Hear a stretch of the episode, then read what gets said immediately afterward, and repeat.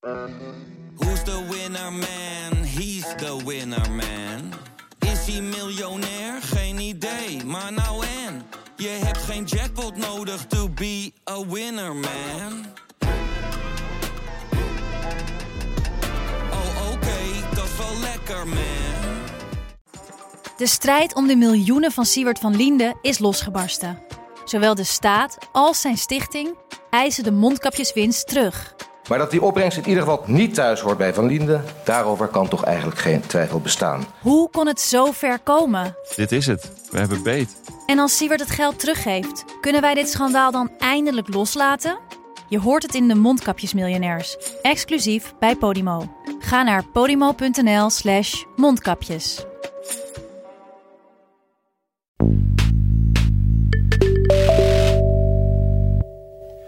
En ik wilde u, u voorstellen aan Fopje Kuilstra.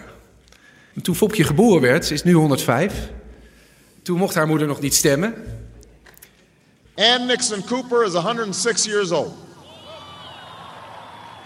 She was born just a generation past slavery, a time when there were no cars on the road or planes in the sky. When someone like her couldn't vote for two reasons because she was a woman and because of the color of her skin. En als je door de ogen van Fopje kijkt en je realiseert wat we eigenlijk in die eeuw hebben bereikt, dan zie je dat die vooruitgang kolossaal is. Dat we hier, we, onze voorgangers samen, de mooiste verzorgingsstaat ter wereld hebben gebouwd. Met emancipatie, met vrijheid, met verheffing. America, we have come so far. We have seen so much. But there's so much more to do. Dit is Betrouwbare Bronnen met Jaap Jansen.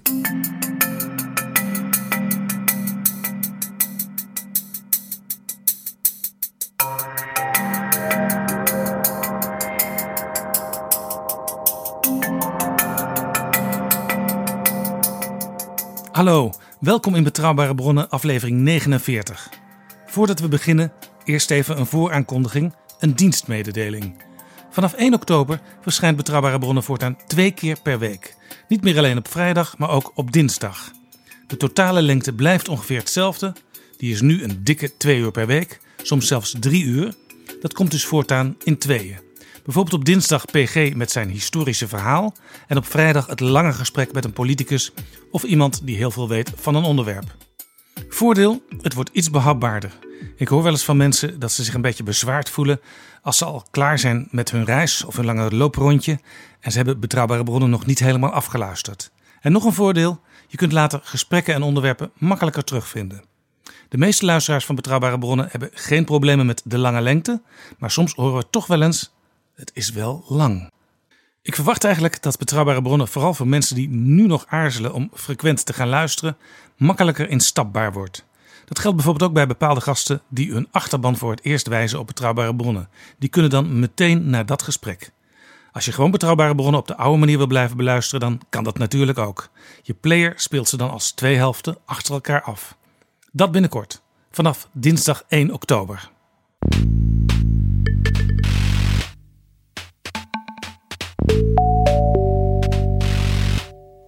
Straks PG Kroeger, want ik wil eerst even terugblikken op de afgelopen dagen in Den Haag. De algemene politieke beschouwingen. Hoe verliepen die? Hoe ging dat traditioneel langste debat van het jaar? Dit is Betrouwbare Bronnen, een wekelijkse podcast met betrouwbare bronnen. Ik ga praten met Roderick van Grieken, directeur van het Nederlands Debatinstituut. Welkom in Betrouwbare Bronnen, Roderick van Grieken. Leuk om er te zijn. We gaan praten over wat de afgelopen dagen zich in Den Haag op het Binnenhof afspeelde. De algemene politieke beschouwingen 2019. Over de troonrede en alle begrotingsplannen, miljoenennota voor 2020. Premier Mark Rutte stond weer als van ouds achter zijn spreekgestoelte. Er deden 14 fractievoorzitters aan mee. Ik vond het een bijzonder debat. En ik vond het te meer een bijzonder debat omdat vorig jaar Kamervoorzitter Khadija Ariep nog een oproep deed. En die leek eigenlijk nu pas gestand te worden gedaan. Kun jij je die oproep nog herinneren? Ja, absoluut. En dat was eigenlijk vooral naar aanleiding van een aanvaring die Wilders met Kuzu had van Denk. Waarbij ze elkaar echt letterlijk stonden uit te schelden. Uh, van rot op en naar rot zelf op. En uh, u hoort hier niet. Um, en dat zette toen ook nog een klein beetje door in de rest van het debat. Stevig taalgebruik. En heel terecht, um, zij riep toen in de, inderdaad aan de start van dag twee. Ik heb heel veel e-mails binnengekregen. Uh, van mensen die zich hier aan storen. Uh, dus houdt u er rekening mee. Uh, ja, u staat hier voor het hele land en gedraag u ook een beetje zo. Ja, om even dat idee nog terug te halen van een jaar geleden. Dat fragment van Khadija Ariep. Ik heb veel mails en brieven van burgers uit het hele land gekregen. Mensen ergeren zich ontzettend aan het taalgebruik en de manier waarop wij met elkaar omgaan. Ze vinden taalgebruik grof en hard. Het debat mag op het scherpst van de snede worden gevoerd, fel en kritisch. Maar dat kan ook zonder persoonlijk te worden. Het is onze gezamenlijke verantwoordelijkheid om met respect met elkaar om te gaan. En het aanzien van de Kamer zijn wij allemaal, 150 Kamerleden. Dat was Ariep. Aan het begin van deze algemene beschouwingen, 2019, zei ze alleen maar, had ze alleen maar kleine waarschuwing helemaal aan het begin van het debat. Uh, wilt u er wel rekening mee houden, Kamerleden? Alles wat u hier doet, wordt gehoord en gezien. Dus uh, doe het een beetje waardig. Dat was eigenlijk het idee. En dat gebeurde vervolgens ook. Ja, absoluut. Um, dat was echt misschien wel het meest bijzondere van deze algemene beschouwingen. En ja, ik volg ze dus zelf al op de voet sinds 2008, want zo lang doen we onze debatprijs al. Um, maar ik heb nog nooit meegemaakt dat uh, zeg maar de sfeer zo goed was. Daar echt ook goed naar elkaar geluisterd werd. Uh, ook daar waar er gewoon stevige meningsverschillen waren. En mensen bezig waren elkaar te begrijpen. En bezig waren om te kijken of ze samen een stap verder konden komen. Af en toe best wel met harde botsingen, maar dat mag ook. Wij Wilders uh, ook deze keer toch echt wel een paar keer dat hij ja, stevig zijn mening geeft. Um, maar dat mag ook. Als het maar niet op een manier gebeurt dat er niet meer geluisterd wordt naar wat de andere partij zegt. Want dan, dan heeft een debat geen zin meer. Maar komt het door dat er dit jaar ineens, en eigenlijk misschien wel als je het gedurende jaren bekijkt, voor het eerst in lange tijd een heel ander soort debat was dan we gewend zijn? Nou, ik denk dat toen ik er zelf over zat na te denken, uh, deze twee dagen, terwijl we er druk mee bezig waren, ik denk dat, dat Wilders hier wel een dominante rol in heeft. Want die is eigenlijk altijd aan de start van algemene beschouwingen. Trekt hij de aandacht naar zich toe? Ja, hij is alles uh, ostentatief met zijn hele fractie weggelopen. Ja, heeft een keer. Uh, hij heeft ook wel eens moties van wantrouwen meteen al ingediend. Ja, hoofdelijke stemmingen aangevraagd. Uh, steekkarretjes vol met papieren, met petities naar binnen gerold. En omdat hij natuurlijk op dit moment de grootste oppositiepartij is, mag hij ook als eerste spreken. Dus hij kan eigenlijk de toon van het debat zetten. Ja, maar toen hij dat nog niet was, deed hij dat ook. Dan, dan startte hij gewoon met een, een, een, een punt van orde.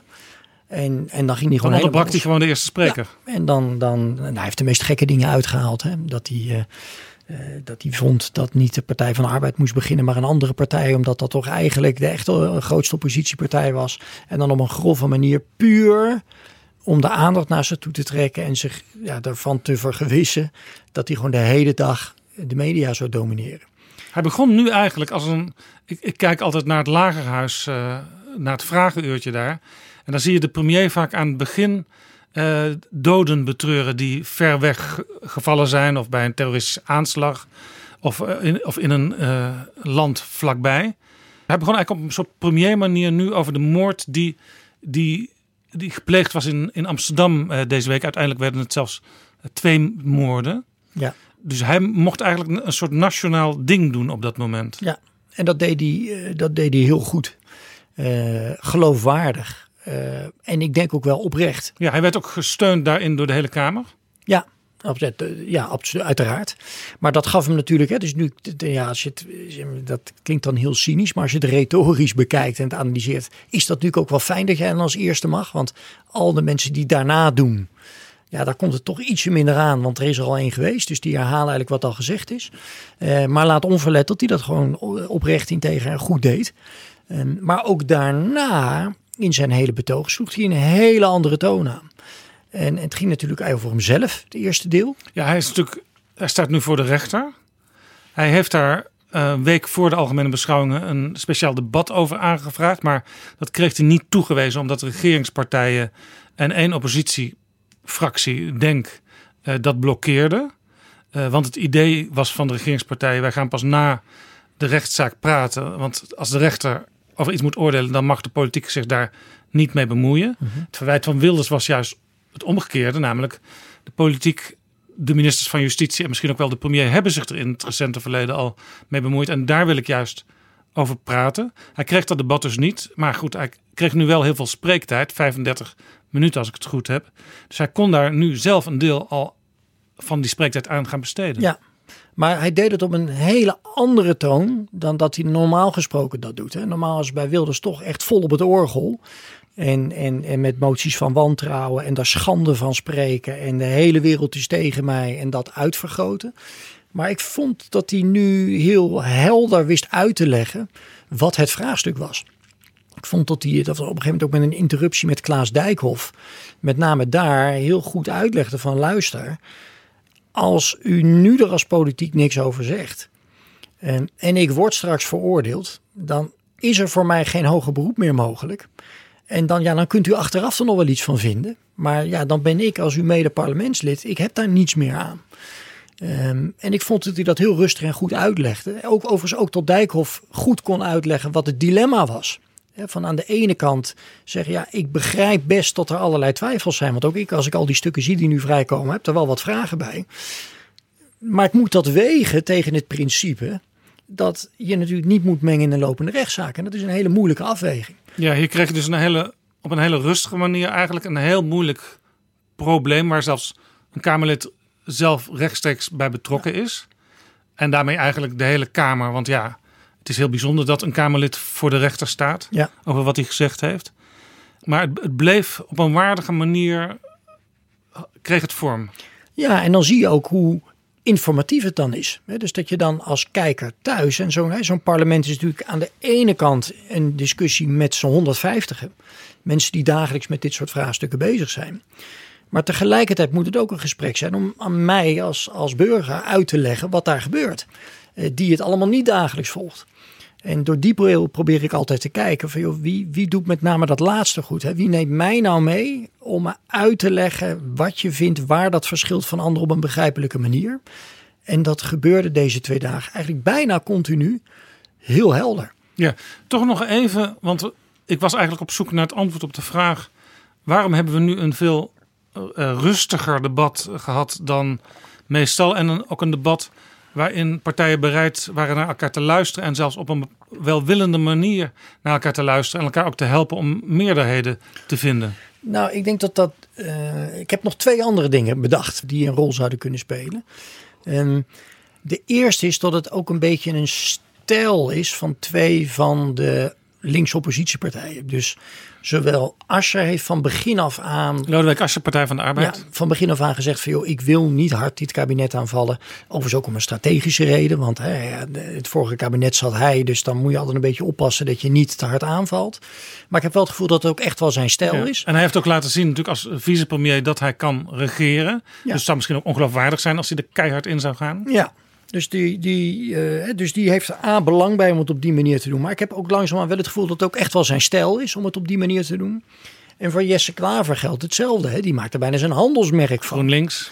Van GroenLinks. Dus je, je, je hebt twee oppositiepartijen die dat ook echt als strategie kiezen. Af en toe ook een beetje, vind ik, een beetje last van elkaar hebben. Want als je dat allebei doet, ja, wie, dan wordt het ook weer moeilijk om je ermee te onderscheiden. Ja, ja die partijen hadden een tijdje terug zelfs uh, het probleem dat in een stemwijzer bleken eigenlijk, uh, als je gewoon je eigen opvattingen invulde, uh, dan bleken beide partijen evenveel punten te krijgen. Want uh, op alle standpunten die die stemwijzer uh, in het systeem had, bleken Partij van de Arbeid en GroenLinks uh, op hetzelfde standpunt uit te komen. Ja.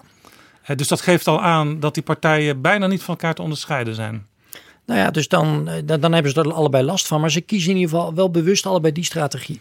Um, een andere, maar dat is echt.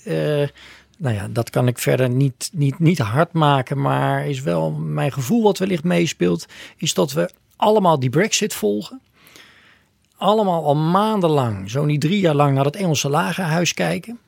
Aan de ene kant, eh, zeker als je van politiek houdt, dat toch een prachtig spektakel vinden. Eh, met nou, allemaal positieve dingen waar we misschien zo meteen nog wel Ja, over er wordt al jaren geroepen van waarom hebben wij niet zulke prachtige debatten als in het Ja. Lagerhuis? Ja, maar je, het is nu wel, de, ja, het failliet daarvan is toch nu echt wel de afgelopen maanden duidelijk geworden. Ik De denk dat- Engelse politiek die volledig in zichzelf is vastgelopen. Ja, omdat daar de, de schoonheid van het compromis, dat kent men gewoon niet.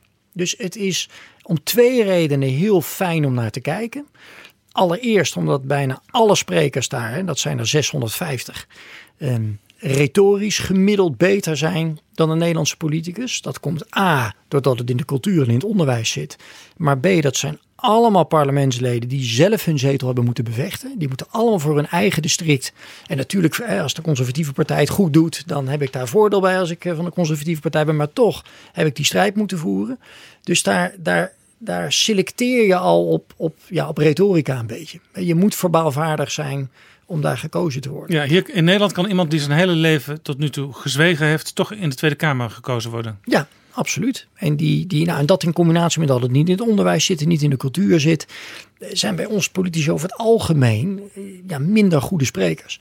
En dat vind ik natuurlijk een verademing om naar te kijken. En dat is als je naar je- elke speech in dat lagerhuis, en dat zijn allemaal korte betoogjes van twee, drie minuten, zijn allemaal pareltjes. Ten tweede is het natuurlijk aantrekkelijk omdat het heel overzichtelijk is. Eh, links zit de regering, rechts zit de oppositie. Ja, het is heel duidelijk. Ik zie in Nederland wel eens filmpjes van politieke partijen. Waar dan alleen maar de eigen spreker eh, te zien is. En dat vind ik totaal oninteressant. Want eh, ik wil ook weten hoe de context is, hoe erop gereageerd werd, waar het eigenlijk een reactie op is. Maar als je een filmpje uitzendt van een eh, Britse lagerhuisspreker, dan is dat eigenlijk al perfect. Want het is inderdaad een retorisch hoogstandje van enkele minuten. Ja, dat. Dus het is goed ingesproken. En ja, het, het, zeg maar op het basisniveau is het een heel simpel model. Het is winner takes all. Je hebt de regering, die nemen gewoon, die kunnen zeg maar hun goddelijke gang gaan. En de oppositie is het per definitie met ze oneens. En dan zeker dat Engelse vraaguurtje waar je het net over had. Dat, ja, dat, is, dat is prachtig eh, om naar te kijken. Maar als je echte problemen krijgt, eh, zoals nu met die brexit. En daar gewoon, dan blijkt dat men dus ook het onvermogen heeft om naar elkaar te luisteren. Want dat hoeven ze niet. Ja, normaal hoef jij als Engelse regeringspartij hoef je niet te luisteren naar de oppositie. Want Nee. de macht, waarom zou je? Het is zelfs zo dat Labour eigenlijk heel lang, onder leiding van Jeremy Corbyn, heel lang geen echt standpunt over hoe ze nu verder moesten gaan met die Brexit had. Want ja, het was niet nodig. Het ging er alleen maar om de conservatieven Ja. ten val te brengen. En dan zouden ze wel weer verder zien. Ja, overigens, voor mij tot op de dag van vandaag is dat Labour standpunt nog een beetje. Ja, ik dacht eh, een paar weken geleden dat ze een helder standpunt inmiddels hadden. Maar dat is nu alweer verdwenen, geloof ik. Ja. Maar eh, exemplarisch, althans wat ik exemplarisch vind, is dat eh, in de nadagen van Theresa May, toen was dat referendum dus al drie jaar geleden had plaatsgevonden. En toen al lang duidelijk was, dit loopt falikant uit de hand. Pas toen is voor het eerst achter de schermen daar overleg geweest tussen Theresa May en Jeremy Corbyn. Van hem, misschien moeten we toch eens samen gaan kijken. Ja. Dat is in Nederland natuurlijk ondenkbaar. Daar is, zodra zich een probleem afspeelt of voordoet, achter de schermen wordt er direct gebeld. Dat zien we dan misschien niet eens met z'n allen. Maar Ja. daar wordt direct met alles en iedereen afgestemd. Dan ga je samen kijken, jongens, wat is hier de In bewegingsruimte? Nederland gebeurt het zelfs dat de premier Mark Rutte plotseling in de kamer van eh Lilia Marijnissen staat. Of plotseling vraagt aan Geert Wilders, kan ik even langskomen? Nou, in Engeland was het gewoon een enorme schok überhaupt dat Jeremy Corbyn en Theresa May met elkaar gingen praten. Maar als je daar eens, maar als je daarover nadenkt, dan, dan, dan blijkt dus hoe slecht dat eigenlijk is. Dus het is mooi vanuit retorisch perspectief. En, en, ja, in die zin ben ik ook fan van. Ehm, omdat het overzichtelijk is. Het is een echt debat voor en tegen. Maar een van de belangrijkste voorwaarden van een debat is dat je wel probeert ja, op basis van argumenten, uit meningsverschillen ontspringt de waarheid, samen verder weer komt. En bereid bent je mening bij te stellen. Maar als je nooit hoeft te luisteren naar je opponent, dan gebeurt dat helemaal niet. Dan is het dus, we gaan of het hele land linksom, of we gaan met het hele land rechtsom. En daartussen is er niet. Ja, en het kiesstelsel leidt dus eigenlijk tot de vorm van het debat in een land. Absoluut, ja, dat heeft een hele belangrijke eh, bijdrage eraan. En in Nederland weten we, eh, je kan altijd eh, bij de, na de volgende verkiezingen weer via een lange kabinetsformatie tot elkaar veroordeeld worden. En samen gaan regeren. Ja, dat moet je natuurlijk allebei willen. Maar Dus in principe elke partij die enigszins met één been in het midden staat, die moet zich ook wel een klein beetje gematigd opstellen, omdat het de volgende keer ook een regeringspartij Ja. kan zijn. Nou ja, en wat, wat ook natuurlijk wel interessant is, is dat je ehm, zowel in Groot-Brittannië als in Nederland wordt er sceptisch gekeken naar politici. Omdat in beide landen men toch altijd het gevoel heeft, hè, ze, nou ja, ze, nou, ik zeg het maar even plat, hè, ze, ze besodemieteren de bende. En, en dat is in Groot-Brittannië omdat als jouw partij niet regeert, dan is, dan is de vijand die, die is aan de macht. En dat is natuurlijk een drama en hartstikke slecht en die moeten we verjagen. In Nederland is het vaak zo dat ja, voor de verkiezingen heeft iemand A beloofd. En na de verkiezingen doet hij dat toch niet helemaal, omdat je bij ons een coalitie moet vormen. Maar per saldo is er in Nederland volgens mij redelijk wat onderzoek wat aantoont dat het vertrouwen in de politiek relatief best hoog is ten opzichte van andere landen. En dat zit hem voor een deel erin dat je in Nederland wel gehoord wordt. Dus het is heel makkelijk om het systeem in te komen met een nieuwe partij. Dat is in Groot-Brittannië bijna onmogelijk. eh, Door ook het kiesstelsel. Ja, kijk maar naar de partij van Farage. Ja. Die heeft maar een paar zetels in de geschiedenis van het Lagerhuis gehad. Wel veel zetels in het Europees Parlement, maar dat kiesstelsel is wat anders. Dus zelfs zo'n partij van Farage, die toch dominant vaak is in de media, kan eigenlijk nauwelijks het, eh, het parlement binnenkomen. Nee, je hebt voorbeelden gehad van de, en, en, en al lang bestaande, hè, de Liberal Democrats in Groot-Brittannië. Die hadden, eh, toen ik daar op school zat in de jaren 80, hadden zij volgens mij 27, nee, 25 procent van de popular vote. Ja. En maar 27 zetels van de 650 parlementsleden. Nou, Ja. Dus Er zijn zelfs peilingen geweest eh, recent. Waarin de Lib Dems, eh, ik geloof zelfs één keertje het grootste waren. Dus Hm. de popular vote. Maar geloof pas de derde partij in het Lagerhuis. Ja. Omdat de Lib Dems hebben de handicap. Dat ze in heel Groot-Brittannië redelijk goed scoren. Maar ja, dan allemaal pas als partij nummer zoveel. Dus nooit nummer één. En dat moet je zijn om in het Lagerhuis Ja, te ja, komen. ja, dat is first past the post. Hè? Dus het is per district alleen degene met de meeste stemmen daar. Maar in het Nederlandse systeem is dus A, het voordeel dat het makkelijk toegankelijk is. Dus hè, denk aan een Partij voor de Dieren. Die, die, daar is opeens iemand daarmee, eh, is daar de boer op gegaan. Eh, zijn in het parlement gekomen. Dus die stem is gehoord. Ehm, als ze het niet goed hadden gedaan, daar hebben we natuurlijk ook legio-partijen van. Dan verdwijn je vier jaar later weer. Maar als je echt kennelijk een goed verhaal hebt, en dat heeft Partij voor de Dieren voor veel mensen gehad, dan, en dan blijf je daar zitten en doen ze ook echt mee. Dus eh, ze hebben daadwerkelijk invloed uitgeoefend Ja, op het. Op en de het oudste partij die nu in het parlement zit, de SGP, die heeft ook maar heel weinig kiezers relatief. Maar zit er wel altijd met twee, drie zetels in. ja, dus je hebt, je hebt als, als kiezer voel je je heel erg gehoord ten opzichte van dat andere parlement. Dus je moet dan wegen. En in het Engelse parlement heb je dan het voordeel van goh, ik kan op die persoon stemmen en dan zit hij daar, zit hij er namens mij. Dat hebben wij natuurlijk niet, want het zijn redelijk onbekende mensen, onze Kamerleden.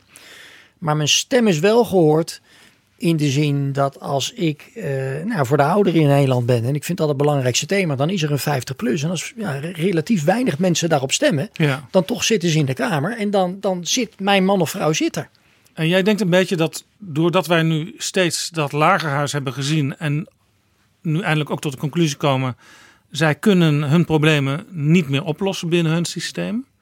Dat we denken dat we in Nederland dan eigenlijk ons eigen systeem nog maar op een, op een nog Nederlandse manier moeten gaan uitvoeren. Ja, dan misschien ook wat trotser op worden. Of, wat- maar dit is allemaal, eh, ja, ik kan het helemaal niet hard maken.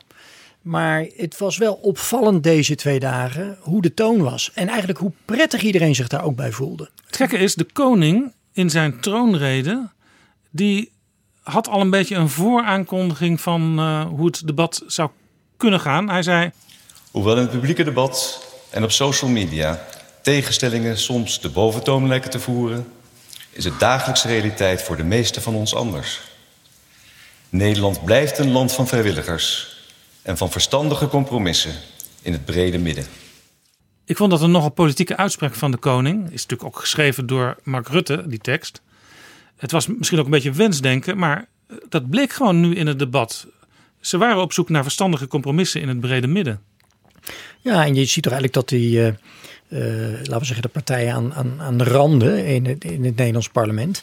ehm, ja, die zitten, dat heeft PG Kroeger hier in Betrouwbare Bronnen, in, nou weet ik hoeveel afleveringen geleden, heel mooi uitgelegd. Dat dat percentage redelijk stabiel is. Ja. ook heel functioneel, denk ik, dat het er is.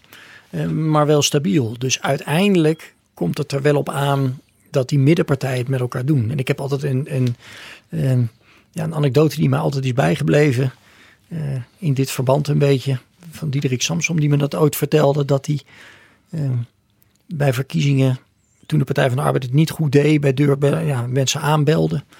En dan waren mensen woedend op hem. En dan vroeg hij, goh, gaat u Partij van de Arbeid stemmen? Nee, natuurlijk niet. Dan kreeg hij de wind van voren. Nou, wie gaat u dan wel stemmen? Nou, op Wilders stemmen. Maar denkt u dan dat Wilders uw problemen gaat oplossen? Nee, dat denk ik niet. Maar wie moet uw problemen dan wel oplossen? Ja, dat moet u doen.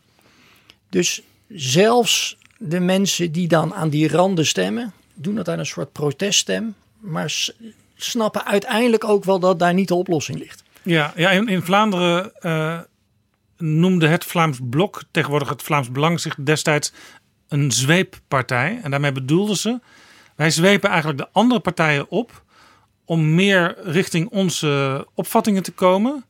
Want dat, het Vlaams Belang zegt net als Wilders en Baudet, uh, wij doen eigenlijk wat het volk echt denkt. En die elitepartijen, kartelpartijen, zegt Baudet, doen dat niet. En dus wij zwepen ze op om het, ja. om het goede te doen. En in zekere zin doen ze dat ook. Hè? Ik denk dat ze heel functioneel zijn. Um, in die zin. Ja. En dat je als je terugkijkt op, op ja, de PVV en Wilders, dat dat daadwerkelijk ook wel toch heeft geleid dat er anders over vraagstukken gedacht En eigenlijk zei zo'n zo'n Samsom-kiezer dus, Partij van de Arbeid waar ik vroeger op gestemd heb, die houdt te weinig rekening met uh, wat wij, ons soort mensen, denken. Uh, dus stem ik één of twee keer op zo'n partij als protest. Maar ik hoop dat jullie er wel ja. van leren. En dat is ook, als je dat nu weer terugbrengt naar het debat van deze twee dagen, dat vind ik ook altijd de moeilijkheid. Dat het nu, nou je kan zeggen heel constructief, misschien zelfs een beetje gezapig eraan toe ging. Uh, dat kan aan de andere kant ook toeleiden dat mensen er weer naar kijken en zich er niet in herkennen. En denken van ja, maar dit is niet hoe ik de politiek beleef. Um, en, en dat die het juist wel prettig vinden als en toe is harde taal gesproken. Ja, want wat ook een, een groot verschil is als je het inhoudelijk bekijkt. Heel lang zijn debatten gegaan over de Nederlandse identiteit. Dat zit er nog steeds wel een beetje in. Maar de afgelopen jaren heb je ook een soort, je zou kunnen zeggen, ruk naar links gezien. Uh, het kabinet begon een beetje als het kabinet van het grote bedrijfsleven. Maar dat is helemaal, helemaal verdwenen. Hè? De VVD, Klaas Dijkhoff bijvoorbeeld, zegt zelfs... Uh, ja, ik ben niet de woordvoerder van VNO en CW. Dat zei hij bij mij in de, in de podcast, in Betrouwbare Bronnen. En eerst moesten de belastingen voor de grote bedrijven nog verlaagd worden. Inmiddels wordt er zelfs over gesproken om de belastingen wat te verhogen. Ja. En dat gebeurt eigenlijk kamerbreed. Ja, dat kan dus. Dat is een ja, golfbeweging door de Kamer heen. Ja, dus in zekere zin zou je ook misschien kunnen zeggen... Uh, ook rechtsere partijen zoals de VVD en het CDA...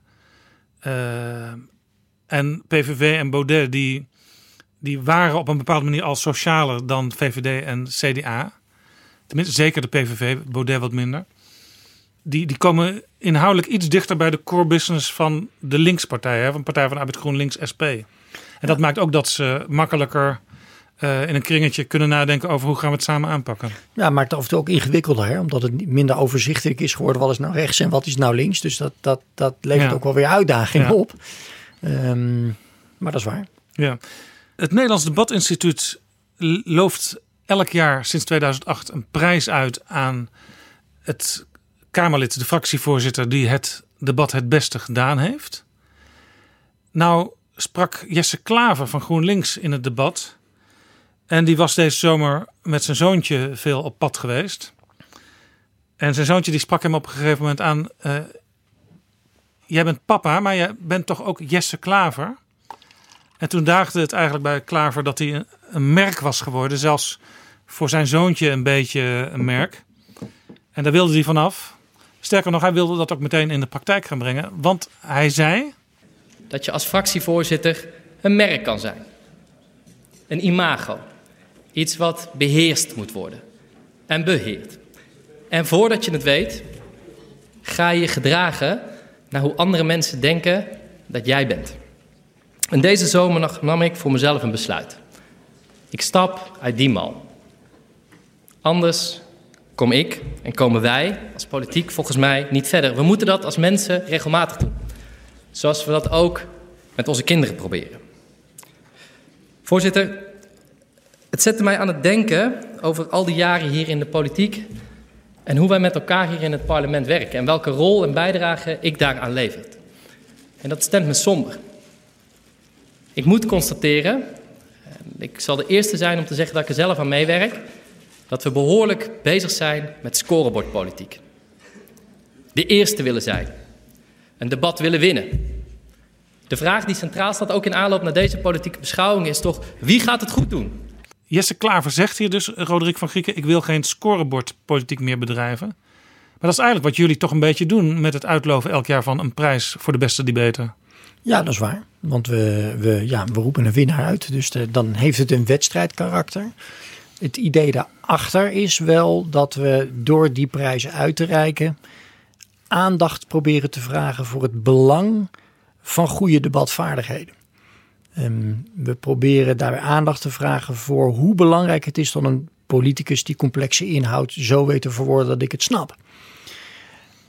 En dat politici in een debat een soort voorbeeld geven van hoe je met elkaar zou moeten debatteren. Dus je mag het hard met elkaar oneens zijn, maar je moet iedere keer het uitleggen aan mensen. Van, hij vindt dit, ik vind dat, dit is ons meningsverschil en daarom stemmen we anders. Ja, dit is dus geen entertainment invalshoek, maar het is meer een invalshoek van uh, hoe kunnen we in Nederland elkaar beter begrijpen en tot betere oplossingen komen als we er samen over debatteren. Ja, absoluut.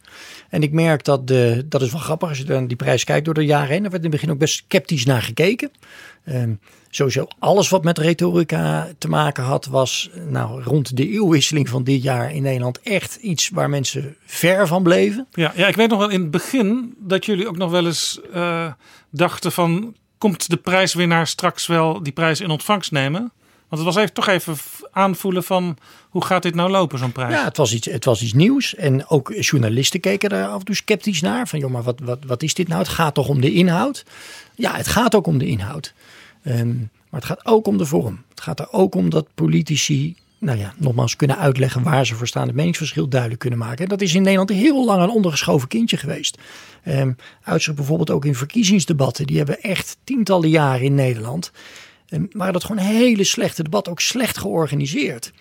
Omdat niemand het belang daarvan zag of goed besefte hoe belangrijk het is om politici dat goed te laten doen. Dus ja. dit waren hele vreemde. Ik herinner me hele oude filmbeelden, zwart-wit nog, van Ferry Hogendijk, de hoofddirecteur van Elsevier die voor de Afro-televisie een debat leidde in de vorm van een schoolklas. En daar zaten dus de politieke leiders, toen veel meer dan nu, uh, echt een beetje oude mannetjes in, zoals ze eruit zagen en gekleed waren. Die zaten gewoon achter kleine schoolbankjes. Dat was heel raar om te zien.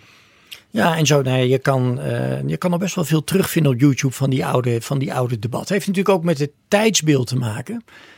Maar het werd ook niet lang niet serieus genomen. En nee, er heeft ook een keer een, een, er is ook nog niet zo heel lang geleden een debat bij RTL geweest in de pauze van een programma van Henny Huisman. Ja, 2002 was dat. Ja, dat was met uh, uh, toen nog met Pim Fortuyn. En dus dan werd het als een soort van entertainment gebracht. En het is ook nog helemaal niet zo lang geleden dat bijvoorbeeld bij de NOS, uh, ik, uit mijn hoofd zeg ik 2012, dat er een, het eerste verkiezingscampagne, eerste verkiezingsdebat in aanloop naar de verkiezing van 2012 was de opzet, om het een beetje leuk te houden, dat iedere politicus een vakantiefoto moest meenemen en dan moest gaan vertellen wat hij die vakantie had gedaan. Ik weet het nog, want uh, Jolande Sap van GroenLinks, die stond voor een soort van ruïne op de foto. En toen Ferry Mingelen, ja, het, het, het kwam er zomaar spontaan uit, denk ik. Die zei, staat die ruïne ook een beetje symbool voor de toestand van uw partij op dit ja. moment? Nou ja, dat, is natuurlijk, dat is natuurlijk dodelijk als je nog een debat moet doen. Uh, en, maar zo zijn er allemaal voorbeelden waarbij het, waarbij het aan de ene kant nog heel erg als entertainment werd gebracht. Van hé, hey, het moet maar leuk zijn. Wat ook tekenend was, was dat die politieke partijen dan maar daarmee akkoord gingen. En zeiden van we doen het maar. Dat is nu echt anders geworden.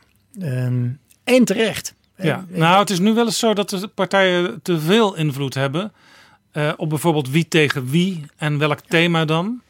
Ja, maar dat geeft wat ik de winst daarvan vind, is dat iedereen in ieder geval is gaan inzien hoe belangrijk dit is. En ik heb ook wel eens meegemaakt dat, dan was ik betrokken bij de organisatie van een debat, dat er zelfs zo werd tussen partijen werd onderhandeld, tussen twee partijen die tegenover elkaar zouden staan, dat de stelling op een gegeven moment totaal onbegrijpelijk was geworden. Maar ja, dit was de enige stelling waar ze het over eens konden worden van tevoren. Dat ze het daarover wilden hebben. Ja, en da daar zie je de, de, ook weer een beetje de moeilijkheid van, van ons politieke systeem. Ja, overigens in de Verenigde Staten, die presidential debates, dat wordt georganiseerd door een aparte commissie. Maar die commissie wordt gewoon geleid door democraten en republikeinen. Die gewoon een jaar voor de verkiezingen tot in detail. En dan hebben we het echt over het kleinste detail uit onderhandelen. Hoe het podium daaruit ziet. Of je pen en papier mee mag nemen. Hoe groot dat, dat papier mag zijn. Of er, of er een, een, een bekerhoudertje staat of niet een bekerhoudertje. Hoe de, nou ja, Ja. elk detail. En er zijn ook altijd grote problemen als de ene presidentskandidaat 2 meter is en de andere 1,60. Hoe ze dat moeten oplossen. Ja, en dan wordt er onderhandeld van welke kansen opkomen. Want het heeft een voordeel om vanaf, de, vanaf het publiek gezien aan de linkerkant op Ja. te komen. Want dan, is de, da- dan ben jij degene waar je zichtbaar van kan zien dat hij een hand schudt. Kortom, dan wordt alles tot in detail geregisseerd. Is ook makkelijker, want je hebt maar twee partijen. Ja, er is trouwens eh, Alexander Pechtold die wilde als D66-leider altijd eh, links op de foto staan. Dus voor de kijkers links. Want dan werd in het onderschrift zijn naam altijd als eerste genoemd. Maar ik heb wel eens eh, les gehad, eh, dat heette Sandbergen. Dat was een soort omroepacademie. Daar leerde ik ook filmpjes monteren en zo. Maar daar leerde ik juist dat psychologisch degene die rechts in beeld is op televisie... het meeste gezag heeft bij de kijker. Nou ja, dat, en dat, dat zal bijna, ik durf er bijna op te gokken dat dat Amerikaans onderzoek is. Want die hebben, die, ja, die, die hebben dat zeg maar in de moderne tijd als eerste gezien. Het begint natuurlijk allemaal eh, met de oude Grieken. Ehm, maar in Amerika, die zijn hier wel leidend in geweest. In het besef hoe belangrijk dit is. En tegenwoordig zijn die politieke, partijen dus veel kritischer. Eh, alleen blijven in Nederland verkiezingsdebatten sowieso veel ingewikkelder, omdat je zoveel partijen hebt. Dus het, het is een ingewikkelde puzzel om daar een debat voor te organiseren, wat voor de kijker, en dat is het doel uiteindelijk, eh, geïnformeerd te raken. Want de, uitdaging is een beetje dat jij en ik, en misschien ook veel luisteraars van betrouwbare bronnen, die politiek heel erg volgen, ja, die worden inhoudelijk echt niet zoveel wijzer van de verkiezingsdebatten. Die weten het allemaal wel. Ehm, maar voor die mensen hoef je dat debat ook niet te organiseren. Ja, ik dwaal ook wel eens af bij verkiezingsdebatten, inderdaad, omdat ik alles al duizend keer gehoord heb. Oké, maar het wordt ook niet voor ons georganiseerd. Eh, het gaat erom dat die mensen die, laten we zeggen, wel een leven hebben, eh, die gewoon met andere dingen bezig zijn, ehm, De hardwerkende de Nederlander. hardwerkende Nederlander, dat die in anderhalf uur even bijgepraat worden. Van jongens, dit zijn de hoofdthema's. Ehm, en, en dit is het grote meningsverschil, zodat ze geholpen worden om een keuze te maken. Ja. Dat is het doel van dat hele verkiezingsdebat in mijn ogen. En als Jesse Klaver dan aan het begin van zijn bijdrage van de Algemene Beschouwingen zegt: Ik wil niet langer meedoen aan scorebordpolitiek, dan voel jij je als leider van het debatinstituut niet aangesproken. Want jij zegt waarschijnlijk, ik vul het een beetje voor je in, eh, het is alleen maar mooi meegenomen als iemand als Jesse Klaver meer op de inhoud wil gaan zitten en minder op de vorm. Ja, en uiteindelijk, eh, als je het helemaal afpelt, is, is, is dit natuurlijk ook gewoon weer retorica. Ehm, want eh, het hele beeld van scorebordpolitici, eh, met wie, wie, wie doet het het best en wie heeft gewonnen of niet. Nou, daar is een beetje een trend in Nederland dat we dat, dat, we dat vervelend vinden. Dus als jij als politicus dat kan claimen, dan is dat prima. Dus dat is een goed recht. Tegelijkertijd, ja, politiek is uiteindelijk natuurlijk wel scorebord. Ehm, want de reden dat Jesse Klaver dat zegt, is in dat hij zoveel mogelijk stemmen wil winnen. Om zoveel mogelijk invloed te krijgen na de verkiezingen, om zijn idealen te verwezenlijken. Dus het is zo goed recht. Maar je, je, je kan niet zeggen dat je af wil van scorebordpolitiek, want dat is het nu eenmaal. Het is een ideeënstrijd en het gaat erom, politici hebben er alles voor over. Om ervoor te zorgen dat ze de meeste stemmen krijgen, om vervolgens hun idealen te kunnen vervullen. Ja, je zou dus kunnen samenvatten, eigenlijk appelleert hij aan een gevoel bij kiezers en kijkers, wat zij hebben, maar die op dat moment dat hij dat succesvol doet in zo'n debat, niet doorhebben dat hij in feite toch uiteindelijk ook afhankelijk is van dat scorebord. Ja. En, eh, en nogmaals, daar is niks mis mee. Hè? Dat, want dat, dat, ja, dat is nu eenmaal ja, het overtuigen. Dat, dat is retorica. Het is een beetje zeg maar de Haagse politicus die af wil van Haagse politiek. Ja. Of de Amerikaanse politicus die ver van Washington wil blijven, terwijl hij niks liever wil dan in het Witte Huis eh, dat is terechtkomen. de, de, de, de zittende president heeft het voordeel dat hij, eh, dat hij achter dat grote zegel iedere dag te zien is van de president. Dus die heeft het gezag. En de uitdager heeft het voordeel dat over het algemeen mensen ontevreden zijn over politiek. En die kan zeggen, jongens, maar nu ga ik het allemaal anders doen. Nou, dat is in essentie is dat, is dat waar het over gaat. Ja, we gaan zo wat dieper in op de inhoud van het debat van de afgelopen week. Uh, maar we beginnen even bij wie volgens jou het deze keer het beste gedaan heeft. In 2008 was het de eerste keer. Femke Halsema was toen de winnaar. Sindsdien heeft Alexander Pechtold het een paar keer Twee keer gewonnen. Het is een wisselbeker, dus elk jaar haal je hem op aan het begin van het debat. En aan het eind van het debat krijgt iemand hem uh, als winnaar die keer. Uh, Rutte drie keer als ik het goed heb. Ja. Dat was, was al vrij snel, hè, meteen toen die uh, premier werd in dat jaar. Wilders heeft een keer gehad. Halbe Zeilstra zelfs, van de VVD. Wilders was trouwens ook wel interessant. Want dat was, als ik me goed herinner, op dezelfde dag dat hij... maar net na de uitreiking van die prijs...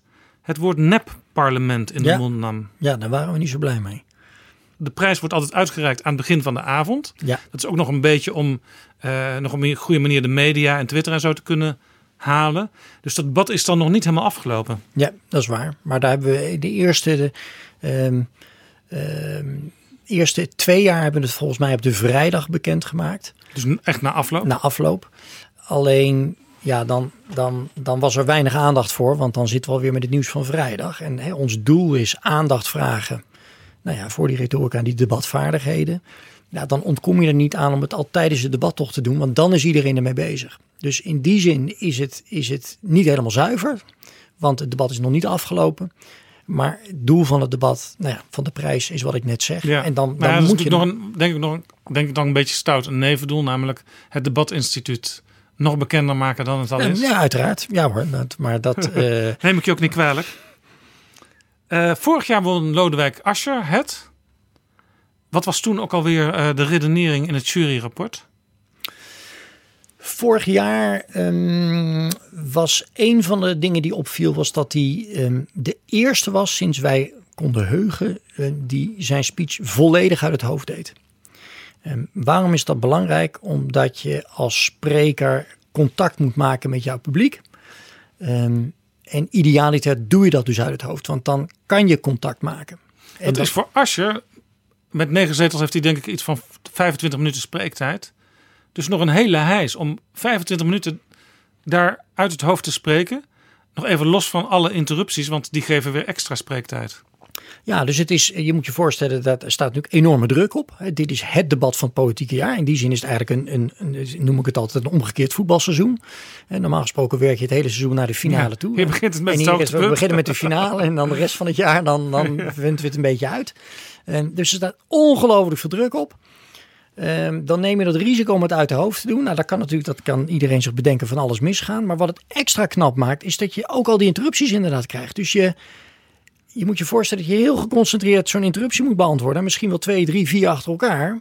Maar dan moet je daarna wel weer bedenken, waar was ik in mijn verhaal? Zonder dat je een geheugensteuntje hebt. En daarmee neem je dus heel veel risico. Maar de winst is dat je ehm, een authentiek verhaal vertelt. Dat je ook ongetwijfeld dingen gaat missen. Dus dat je iets vergeet. Maar ehm, zoals als je het toen vorig jaar zei al van goh, ja, maar dan als ken ik als ik dat vergeet, was het ook niet zo belangrijk. Ja, ik begin natuurlijk over Asscher, want hij is dit jaar opnieuw de winnaar. Dus twee jaar achtereen. Je haalde de prijs eh, op woensdagochtend, denk ik, of Ja. dinsdag bij hem op. Maandag, maandag, Maandag. gehad. Ja, Begin van de week. En mocht hem dus donderdagavond eigenlijk weer gewoon teruggeven. Misschien was hij even opgepoetst extra. Eh, maar Asscher heeft het dit jaar dus volgens jullie weer als beste gedaan. ja. En het zat wederom, hij deed weer uit zijn hoofd. Maar niet dat de luisteraar nu denkt, goh, nou dan win je de prijs omdat je het uit je hoofd doet. En we kijken naar een aantal dingen. We kijken, het eerste waar we naar kijken is naar de eerste termijn. Dus wat we dan, en we doen dat echt Ja, de een- eerste termijn, eh, dat is eigenlijk het grote verhaal van de politiek leider. Ja. En allemaal komen ze dan met z'n veertienen achter elkaar. En dan krijgen ze ook heel veel spreektijd. Ja. En dan, ze worden geïnterrumpeerd. Hè? Dus eh, andere partijen mogen ertussen komen. Eh, Maar de minister-president die blijft keurig terzijde zitten. Want die spreekt pas op de tweede dag van de algemene beschouwingen. Ja, dus op die eerste dag komen inderdaad al die, die fractievoorzitters aan het woord. En een van onze criteria is, hoe goed is dat verhaal? En we luisteren er live naar, maar wat we ook doen, en dat is, dat is letterlijk s'nachts, is dat we dan het nog een keer helemaal terug gaan lezen. Om echt te kunnen beoordelen hoe goed dat verhaal in elkaar zat. Want zeker bij regeringspartijen, die worden, nou ik denk dat uh, Klaas Dijkhoff er wel 2,5 uur gestaan heeft. Daar kan dat verhaal bijna niet tot zijn recht komen, want hij staat er nog geen minuut of dan beginnen ze al. Maar dan willen we toch, we vinden het zo belangrijk dat er goed is nagedacht over welke boodschap wil je nou vertellen. Dat we het dan nou, s'nachts gewoon nog eens een keer helemaal terug gaan lezen. Veel zat dat verhaal goed in elkaar.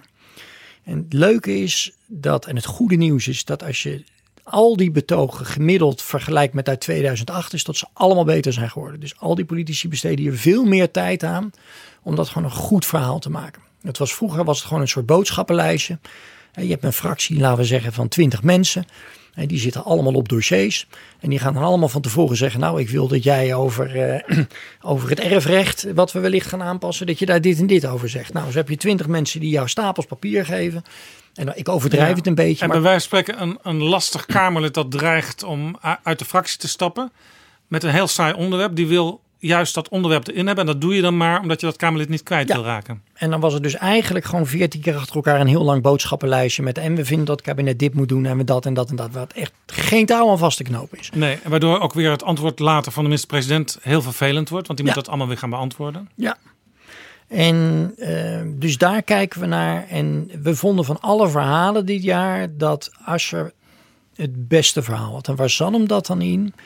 Um, dat dit een, in twee dingen eigenlijk. Allereerst schetst hij het, het, het meest brede beeld. Dus hij hield en een soort van verhandeling over de, de nou, ik noem maar even de zegeningen van de sociaaldemocratie over de afgelopen eeuw. Ja, de, de stroming bestaat 125 jaar, dus hij had ook veel te vertellen. Ja, maar dat deed hij op een mooie manier met, nou, eh, met voorbeelden daarbij, concrete situaties daarbij. Eh, en daar werd ook echt naar geluisterd. Dat, was, dat zat mooi in elkaar. En dat koppelde die daarna naar een paar thema's waarvan die zei: joh, dit zijn nu de uitdagingen. En daar wil ik dat we op gaan focussen. En dat waren, er, dat waren er niet twintig, dat waren er een paar. En daar heeft hij gaandeweg de twee dagen ook echt aan vastgehouden. Ja, onder andere meer geld voor onderwijs. Ja. Dat was een van zijn hoofdpunten. Ja, dus dat is het, het, het eerste waar we naar kijken. Dus de, die, het eigen betoog tweede criterium waar we naar kijken is hoe plaatst iemand zijn interrupties?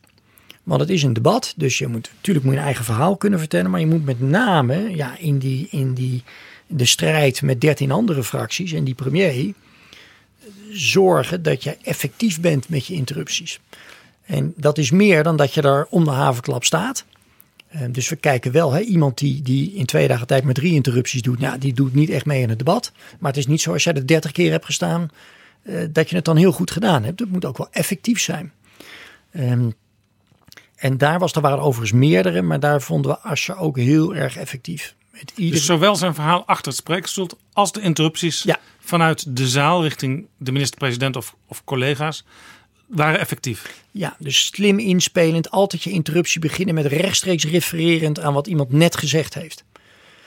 Dus je hebt heel vaak dat iemand begint met een interruptie van, goh, u had het net. En dan verwijst je naar een kwartier geleden over dat thema, daar wou ik nog even op terugkomen. En bij Asscher was het vaak direct inspelen wat er gezegd wordt en dat ook gebruiken.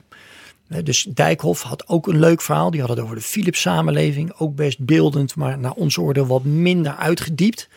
Dus het was leuk, maar daar. Ja, het ging een beetje over. Um, in Eindhoven en omstreken had je natuurlijk de Philips fabrieken. Die zorgden voor heel veel werkgelegenheid. Zelfs zoveel werkgelegenheid dat mensen uit uh, Drenthe helemaal uh, migreerden naar Brabant.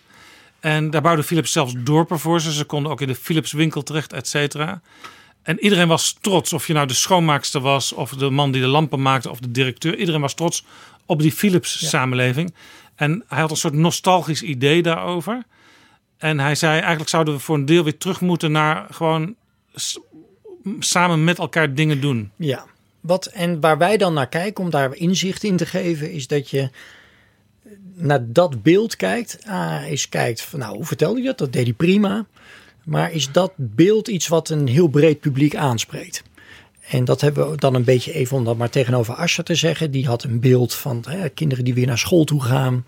En ene kind vertrekt vanuit huis waar die met veel plezier naar school toe fietst en een ander kind fietst vanuit huis terwijl die thuis al allerlei problemen heeft. Nou, hij zei het veel mooier met voorbeelden ervan. Ja. En dan ga je een beetje wegen, joh, wat zou nou voor een breed, pu- breed publiek... En ook een verhaal over eh, een mevrouw. Ja, Fok, Fopje. Fopje Keilstra. Die was die tegengekomen in de Volkskrant. En heeft later zelf contact met haar gezocht. Zij stemde ook altijd Partij van de Arbeid. En hij ging aan de hand van haar eigenlijk de hele geschiedenis door. En alle verworvenheden en verbeteringen van de kwaliteit van leven. En hij zocht dus zowel naar de historische wortels. als een soort blik naar de toekomst. En dat vond ik ook heel, een heel sterk beeld. Ja, absoluut. Maar dat, eh, ik, ja, en daarbij, om een beetje inzicht te geven hoe dat dan werkt bij ons in de jury, dat je daar eens naar gaat kijken. Van wat, wat zou nou bij meer mensen appelleren? Los van politieke kleur, hè? want wij hebben natuurlijk geen oordeel over het standpunt wat iemand inneemt. Maar wat, wat is nou beter gekozen? Waar is beter over nagedacht? En, en met welk verhaal kan je het meest? Welke boodschap komt het beste door? Ja, voor een breed publiek. En, en welke boodschap kan je het best ook gebruiken naar wat je uiteindelijk wil vertellen? En welke boodschap heeft wat meer diepere lagen? Ehm, en daarbij vonden we, nou, we vonden het van de Dijkhoff is ook een prima verhaal. Ehm, Klaver had ook iets, ehm, die, die had zijn scorebord po- eh, Ja. politiek Aan de hand van zijn zoontje kwam hij tot van zijn zoontje. Ja, daar waren we wat kritisch op, omdat die inleiding best lang was. Dus ja, daar was vrij lang dat je dacht, maar waar gaat hij nou naartoe? En nou, retorisch gezien is dat best goed om aan het begin van je betoog zoiets te hebben, want dat houdt de aandacht vast. Maar het moet ook niet zo zijn dat mensen op een gegeven moment denken, joh, maar eh, kom op, kom nou eens. Ja, en het gekke was ook toen hij eenmaal dat verhaal gedaan had van ik wil eigenlijk af van die scorebordjournalistiek. Hij kondigde zelfs aan dat hij een heleboel spoeddebatten die GroenLinks had aangevraagd, maar die gaan altijd op een hele lange lijst in de Tweede Kamer en zo spoedig worden ze niet uitgevoerd. Eh, die, ging, die aanvraag ging die intrekken, want ja, we gaan het echt alleen nog maar over de grote lijnen hebben. Maar de tweede helft van zijn eh debat inbreng was eigenlijk wel weer een beetje ouderwets, namelijk wat er allemaal niet deugde aan het regeringsbeleid. Dus dat vond ik niet zo sterk. Nee, met je eens. Dus dan, dan is dat het beeld wat hij schetst aan het begin best mooi. En ook al nogmaals, ik vond die inleiding wat te lang, vonden wij met z'n allen wat te lang duren. Maar ja, uiteindelijk is het dus ook niet houdbaar in het debat. Want je, jij, uiteindelijk ga je natuurlijk wel die strijd aan. En ga je proberen dingen voor elkaar te krijgen. Ja, is dat dan consistent met wat je net gezegd hebt? Dus ik begrijp wel wat hij bedoelde. Het is misschien ook een mooie gedachte, maar eh, nou ja, daar ontstaat een beeld precies wat jij benoemt. Gaandeweg van, hé, hey, maar doet hij nou niet precies datgene waar hij zelf, nou ja... Laten we even naar de winnaar teruggaan, Lodewijk Asscher. Wil een klein stukje nog even samen beluisteren uit zijn speech. Dat is dat stukje over die Fopke Keilstra. En ik wilde u, u voorstellen aan Fopje Keilstra. Toen Fopje geboren werd, ze is nu 105.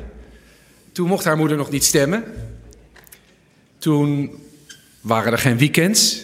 Toen stond oud worden gewoon gelijk aan armoede. Toen ze 15 werd, brak de depressie uit. Die vorige gigantische economische crisis. Zij is met haar familie in 1933 gaan kijken toen de afsluitdijk geopend werd. Dat was een wereldwonder.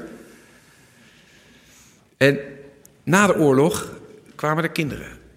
Na de oorlog kwam Drees, kwam de wederopbouw. Na de oorlog kwamen er betere voorzieningen. kwam er een oude dagsvoorziening. Bouwden we een verzorgingsstaat. En als je door de ogen van Fopje kijkt en je realiseert wat we eigenlijk in die eeuw hebben bereikt, dan zie je dat die vooruitgang kolossaal is. Dat we hier, we, onze voorgangers samen, de mooiste verzorgingsstaat ter wereld hebben gebouwd. Met emancipatie, met vrijheid, met verheffing. Het is fenomenaal, die vooruitgang. Dat was Lodewijk Asscher over Fopke Keilstra. Die, die vanuit de depressie in de jaren 30 zag hoe de afsluitdijk geopend werd. Eh, na de oorlog kwam Drees, de wederopbouw. Nou, allemaal mooie dingen waar de sociaaldemocratie natuurlijk vaak in positieve zin bij betrokken was. Ze stemt ook nog Partij van de Arbeid, dus dat was helemaal mooi voor, voor. Nu heb ik iets ontdekt. Ik wil je even iets laten horen. Dit is Obama. Op de dag dat hij eh, gekozen eh, was, hield hij een speech. 2008 of 2008. Ja. En Obama bleek eigenlijk ook een Fopke Keilstra te hebben. Die was bij hem één jaar ouder, 106. En ze heet Ann Nixon Cooper. Ik ga even een stukje horen. This election had many firsts and many stories that will be told for generations, but one that's on my mind tonight is about a woman who cast her ballot in Atlanta. She is a lot like the millions of others who stood in line to make their voice heard in this election, except for one thing. Ann Nixon Cooper is 106 years old. She was born just a generation past slavery, a time when there were no cars on the road or planes in the sky. When someone like her couldn't vote for two reasons because she was a woman and because of the color of her skin. And tonight, I think about all that she's seen throughout her century in America the heartache and the hope, the struggle and the progress, the times we were told that we can't, and the people who pressed on with that American creed yes, we can. At a time when women's voices were silenced and their hopes dismissed, she lived to see them stand up and speak out and reach for the ballot. Yes, we can. When there was despair in the Dust Bowl and depression across the land, she saw a nation conquer fear itself with a new deal, new jobs, a new sense of common purpose. Yes, we can. When the bombs fell on our harbor and tyranny threatened the world, she was there to witness a generation rise to greatness and a democracy was saved. Yes, we can. She was there for the buses in Montgomery, the hoses in Birmingham, a bridge in Selma, and a preacher from Atlanta who told the people that we shall overcome. Yes, we can. A man touched down on the moon. A wall came down in Berlin. A world was connected by our own science and imagination. And this year, in this election, she touched her finger to a screen and cast her vote. Because after 106 years in America, through the best of times and the darkest of hours, she knows how America can change. Yes, we can. America, we have come so far. We have seen so much, but there's so much more to do. So tonight, let us ask ourselves if our children should live to see the next century, if my daughters should be so lucky to live as long as Ann Nixon Cooper, what change will they see? What progress will we have made? Dat was het verhaal van Obama over Ann Nixon Cooper, 106 jaar oud. Je hoort meteen hoe onovertroffen bijna Obama is in het spreken. Maar ik, ik dacht, ja, Fopje, prachtig verhaal, 105 jaar oud. Maar dat lijkt toch wel erg veel op dat verhaal over een Nixon Cooper van 106 jaar oud. Ja. Ja, maar ik denk als jij en ik nu nog eens verder in de geschiedenis gaan graven. Um, of voor Obama niet al mensen ditzelfde hebben gebruikt, dan ben ik ervan overtuigd dat we meerdere voorbeelden gaan vinden. Dus je, je, er zijn maar een aantal manieren waarop je een verhaal kan vertellen. En, het gaat om hoe je dat vertelt. En wat ik met name prachtig vind als je hier naar luistert. En ehm, dan denk ik, goh, stel nou dat Lodewijk Asscher straks de verkiezingen wint. En die gaat dan waarschijnlijk in Paradiso exact dit verhaal vertellen. Ehm, dan zou het toch minder aankomen. Omdat het, we vinden het prachtig bij Obama, maar in onze cultuur werkt dat minder. Dus de manier hoe Asscher het nu deed, maar overigens ook een aantal anderen. Want we focussen nu erg op Asscher ja. prima is, want hij heeft gewonnen, maar ook een aantal Obama anderen. deed het ook een beetje, zeg maar, in de Martin Luther King-stijl. Ja, nou dat deed uh, Klaver trouwens ook in zijn betoog. Die had ook een, een onderdeel wat ik het sterkste, sterkste onderdeel van zijn verhaal vond. Um, waarin die ook de repetitio gebruikte, de herhaling. Uh, leg het maar uit. Ja, dus die zei eigenlijk, god, er zijn een aantal vraagstukken in Nederland waar we in deze hele Kamer het eigenlijk over eens zijn dat dat niet kan en dat we het moeten oplossen. En leg het maar eens uit aan de mensen waarom we dat niet doen. En toen noemde hij, ik denk wel zes of zeven voorbeelden. En exact in de Obama-stijl, leg het maar uit. Leg het maar uit Ja, dat we op ja. dit moment in ons Ja. rijke land dit... Ja, dus je zegt eigenlijk, politici nemen altijd dingen over van andere politici. Want ze, ze hebben dingen gehoord, ze hebben dingen gelezen, ze hebben dingen gezien. En dat nestelt zich in hun hoofd. Obama heeft dit ook niet zelf verzonnen. Nogmaals, die heeft dit, dit, is, dit is klassieke retorica.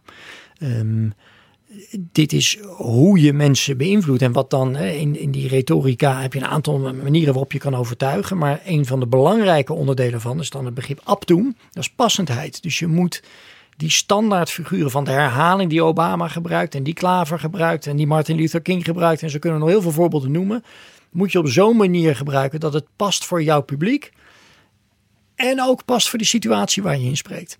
En, ja, en dat is wat retorica zo fascinerend maakt. Dat, dat, daar, is, daar is niet een sluitend recept voor. Je hebt de ingrediënten, maar ja, net als met koken, je moet het op zo'n manier bij elkaar Ja. gooien dat het dan Ja. precies past. Ja. Maar dit mag dus wel, wat, wat Lodewijk Asscher doet. Natuurlijk. Het is niet gejat. Nee, je moet het niet.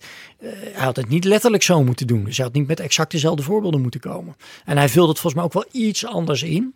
Dus Obama die noemt hier heel snel achter elkaar van ze heeft dit en dit en dit Ja. meegemaakt. Bij Asscher, in mijn herinnering, was het, ging het wat langzamer. Dus die gebruikte minder voorbeelden, maar nam haar wel ons mee Ja, ze leven. kwam later ook nog een keer terug in het verhaal. Ja, dus je.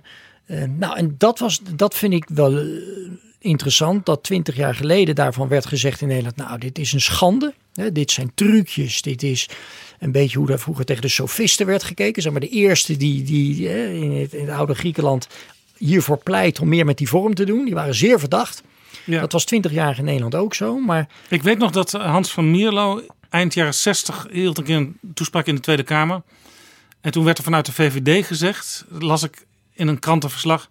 Ja, dat sofistische gepraat van de heer van Mierlo. Dat was dus echt een kwalificatie om iemand helemaal opzij Ja. te zetten en irrelevant te verklaren. Ja, en je hebt dat later, eh, want die Van Milo deed het natuurlijk heel goed. Ehm, ja, ik kan me nog heel goed de opkomst van Pim Fortuyn herinneren. Daar had je gewoon een politicus die, die met kop en schouders retorisch uitstak boven zijn politieke opponenten. Eh, Die, die, die stond tegen een dijkstal, tegenover een melkert. eh, Ook eh, tegen Tom de Graaf. nou, noem het rijtje maar op. Ehm, en die snapte ja, hoe je inhoud vorm geeft. En daar zag je dus ook het, het, het vernietigende effect daarvan. Dat heeft mede nou geïnspireerd bij het Debatinstituut. ehm, eh, om, om mensen bewust ervan te maken dat vorm wint altijd van inhoud. En dat is heel pijnlijk. Ja, ja, Pim Fortuyn had ook een soort bijna natuurlijke manier om dingen gewoon eh, naar de keukentafel te brengen. Hè? Eh, er was toen dat legendarische debat toen hij de, met zijn partij de Rotterdamse gemeenteraadsverkiezingen al had gewonnen. En hij mocht toen als, als enige lokale politicus toen nog bij de landelijke politici eh, een soort nabeschouwingsdebat s'nachts doen. Waarvan gedacht werd, daar kijkt niemand meer naar, maar er keken toch nog een miljoen mensen naar. Ad Melkert, die kwam helemaal uit Groningen, die was helemaal moe en chagrijnig. En het, het enige wat Fortuyn eigenlijk hoefde te doen van, eh, was eh, één keer te zeggen in het debat... Kijk eens wat vrolijker, meneer Melkert. En nog een andere keer... Ik hoop dat u binnenkort wat vrolijker bent, want anders gaan we nog wat beleven. En daarmee was hij ook alweer van dat debat de winnaar geworden. Ja, dus je, je, dan zie je dus, dat is eigenlijk natuurlijk iets heel verdrietigs. Want dan, dan wint iemand dus puur op vorm, door gewoon een slimme quote. En, maar het feit is dat we in ons dagelijks leven ons vrijwel altijd door vorm laten leiden. Als een, een, een product gaat kopen in de supermarkt, dan denk je dat je dat op inhoud doet. Maar dat doe je ook puur op, op waar die in het schap staat. En als je een auto gaat uitkiezen, dan zijn er merken die wellicht fantastische auto's hebben. Maar die vertik jij om te kopen, want dat merk, dat doen we niet. Kortom, we laten ons in het leven continu door vorm leiden. En, en mijn stelling is dat je pas een goed inhoudelijk debat kan voeren met elkaar als iedereen de vorm beheerst. Als iedereen nou, in de ideale situatie exact even goed is in het bespelen van zijn publiek. Ja, dat En- komt dus nooit voor. Nee, maar je kan wel daarnaartoe werken. Want het gaat dus niet alleen dat de sprekers dat kunnen, dat de politici dat kunnen. Maar in de echte ideale situatie is ook iedere luisteraar geoefend luisteraar. Dus die snapt als iemand ja, een stelfiguur gebruikt of dan zo'n retorische truc uithaalt. Dat ik dan snap, hé, hey, wacht eens even, dit klinkt heel mooi. Maar daar gaat het natuurlijk niet om. Dus in die ideale situatie is iedereen zo goed in de vorm dat het uiteindelijk alleen nog maar op de inhoud kan gaan om te winnen. Ja, je zei eerder al in dit gesprek, de kwaliteit is nu veel hoger dan in 2008 toen het debatinstituut voor het eerst eh, de deelnemers beoordeelde. Er deden aan dit debat ook enkele nieuwkomers mee. Hè? Pieter Heerma, CDA, fractievoorzitter. Eh, Rob Jetten van D66. Hoe keek jij naar die nieuwkomers? Nou, ehm, eh, allereerst met een, een gevoel van uh, poeh, je moet er maar gaan staan. Want het is zo'n het is, het is zo'n moeilijk debat.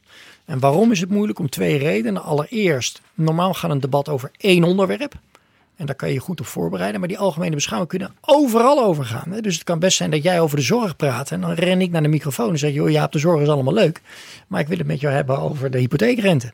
Ja, of over uw partijgenoot die vorige week iets heel raars heeft gezegd. Het kan van alles zijn. En dan moet je ter plekke goed kunnen reageren. Dus het is heel ingewikkeld, omdat het overal over kan gaan. En daar staat dus, omdat het de finale is, heel Den Haag kijkt mee.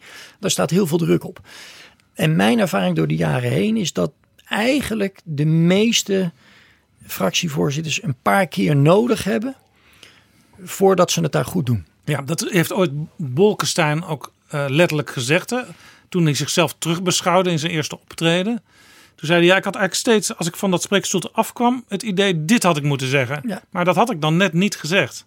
Dus hij vond zichzelf nog niet goed die eerste keer. Ja, en, later werd Bolkestein natuurlijk een dominante debater. Absoluut. En je kan... Uh, Um, dat kan ook niet anders. Je kan het ook nergens anders goed oefenen. Je moet onder die druk daar gestaan hebben. Je kan het goed, je kan goed voorbereiden. Je kan allemaal dingen doen. Maar je moet ja, de ervaring hebben van onder die druk. Ook weten hoe je, als je het gewoon echt niet weet, hoe je slim kan wegdraaien. En, en, en ja, hoe je ervoor kan zorgen dat in ieder geval in de beeldvorming.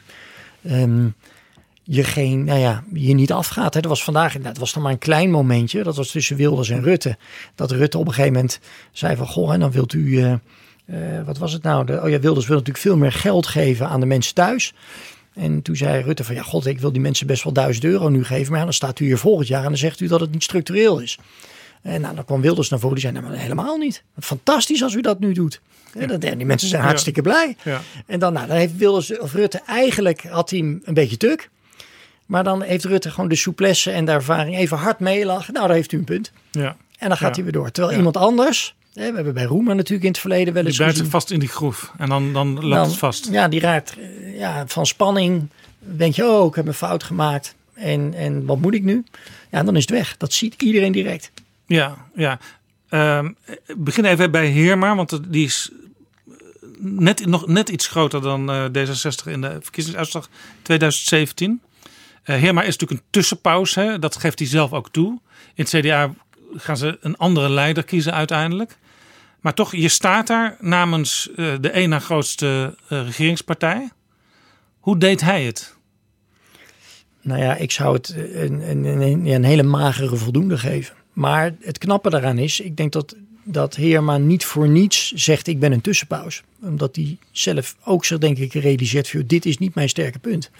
Um, anno 2019 als, als lijsttrekker van een partij ja, moet je hier echt in excelleren, anders dan ben je kansloos. En als je al van jezelf, er kunnen ook andere overwegingen geweest zijn hoor, maar ik denk dat hij het wellicht best meegespeeld heeft. Hij heeft uiteraard ook met zijn eigen vader kunnen zien.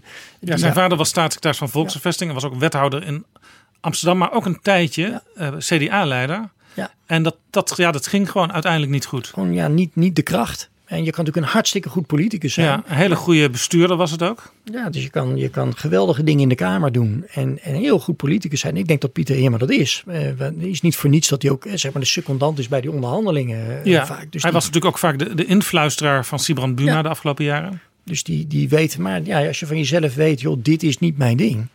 Ja, en dat bleek ook wel een beetje gisteren en vandaag. hè. Heel gespannen. Ehm, eh, ja, met een zenuwachtige lach. Ja, dat is al vervelend om het gewoon te zeggen. Want je beoordeelt iemand daar, die- daar met de beste intentie staat. Ja, toch zag ik, want mijn verwachtingen waren ook niet zo hoog gespannen bij, bij Heerma. Eh, maar toch vond ik hem uiteindelijk ook best wel.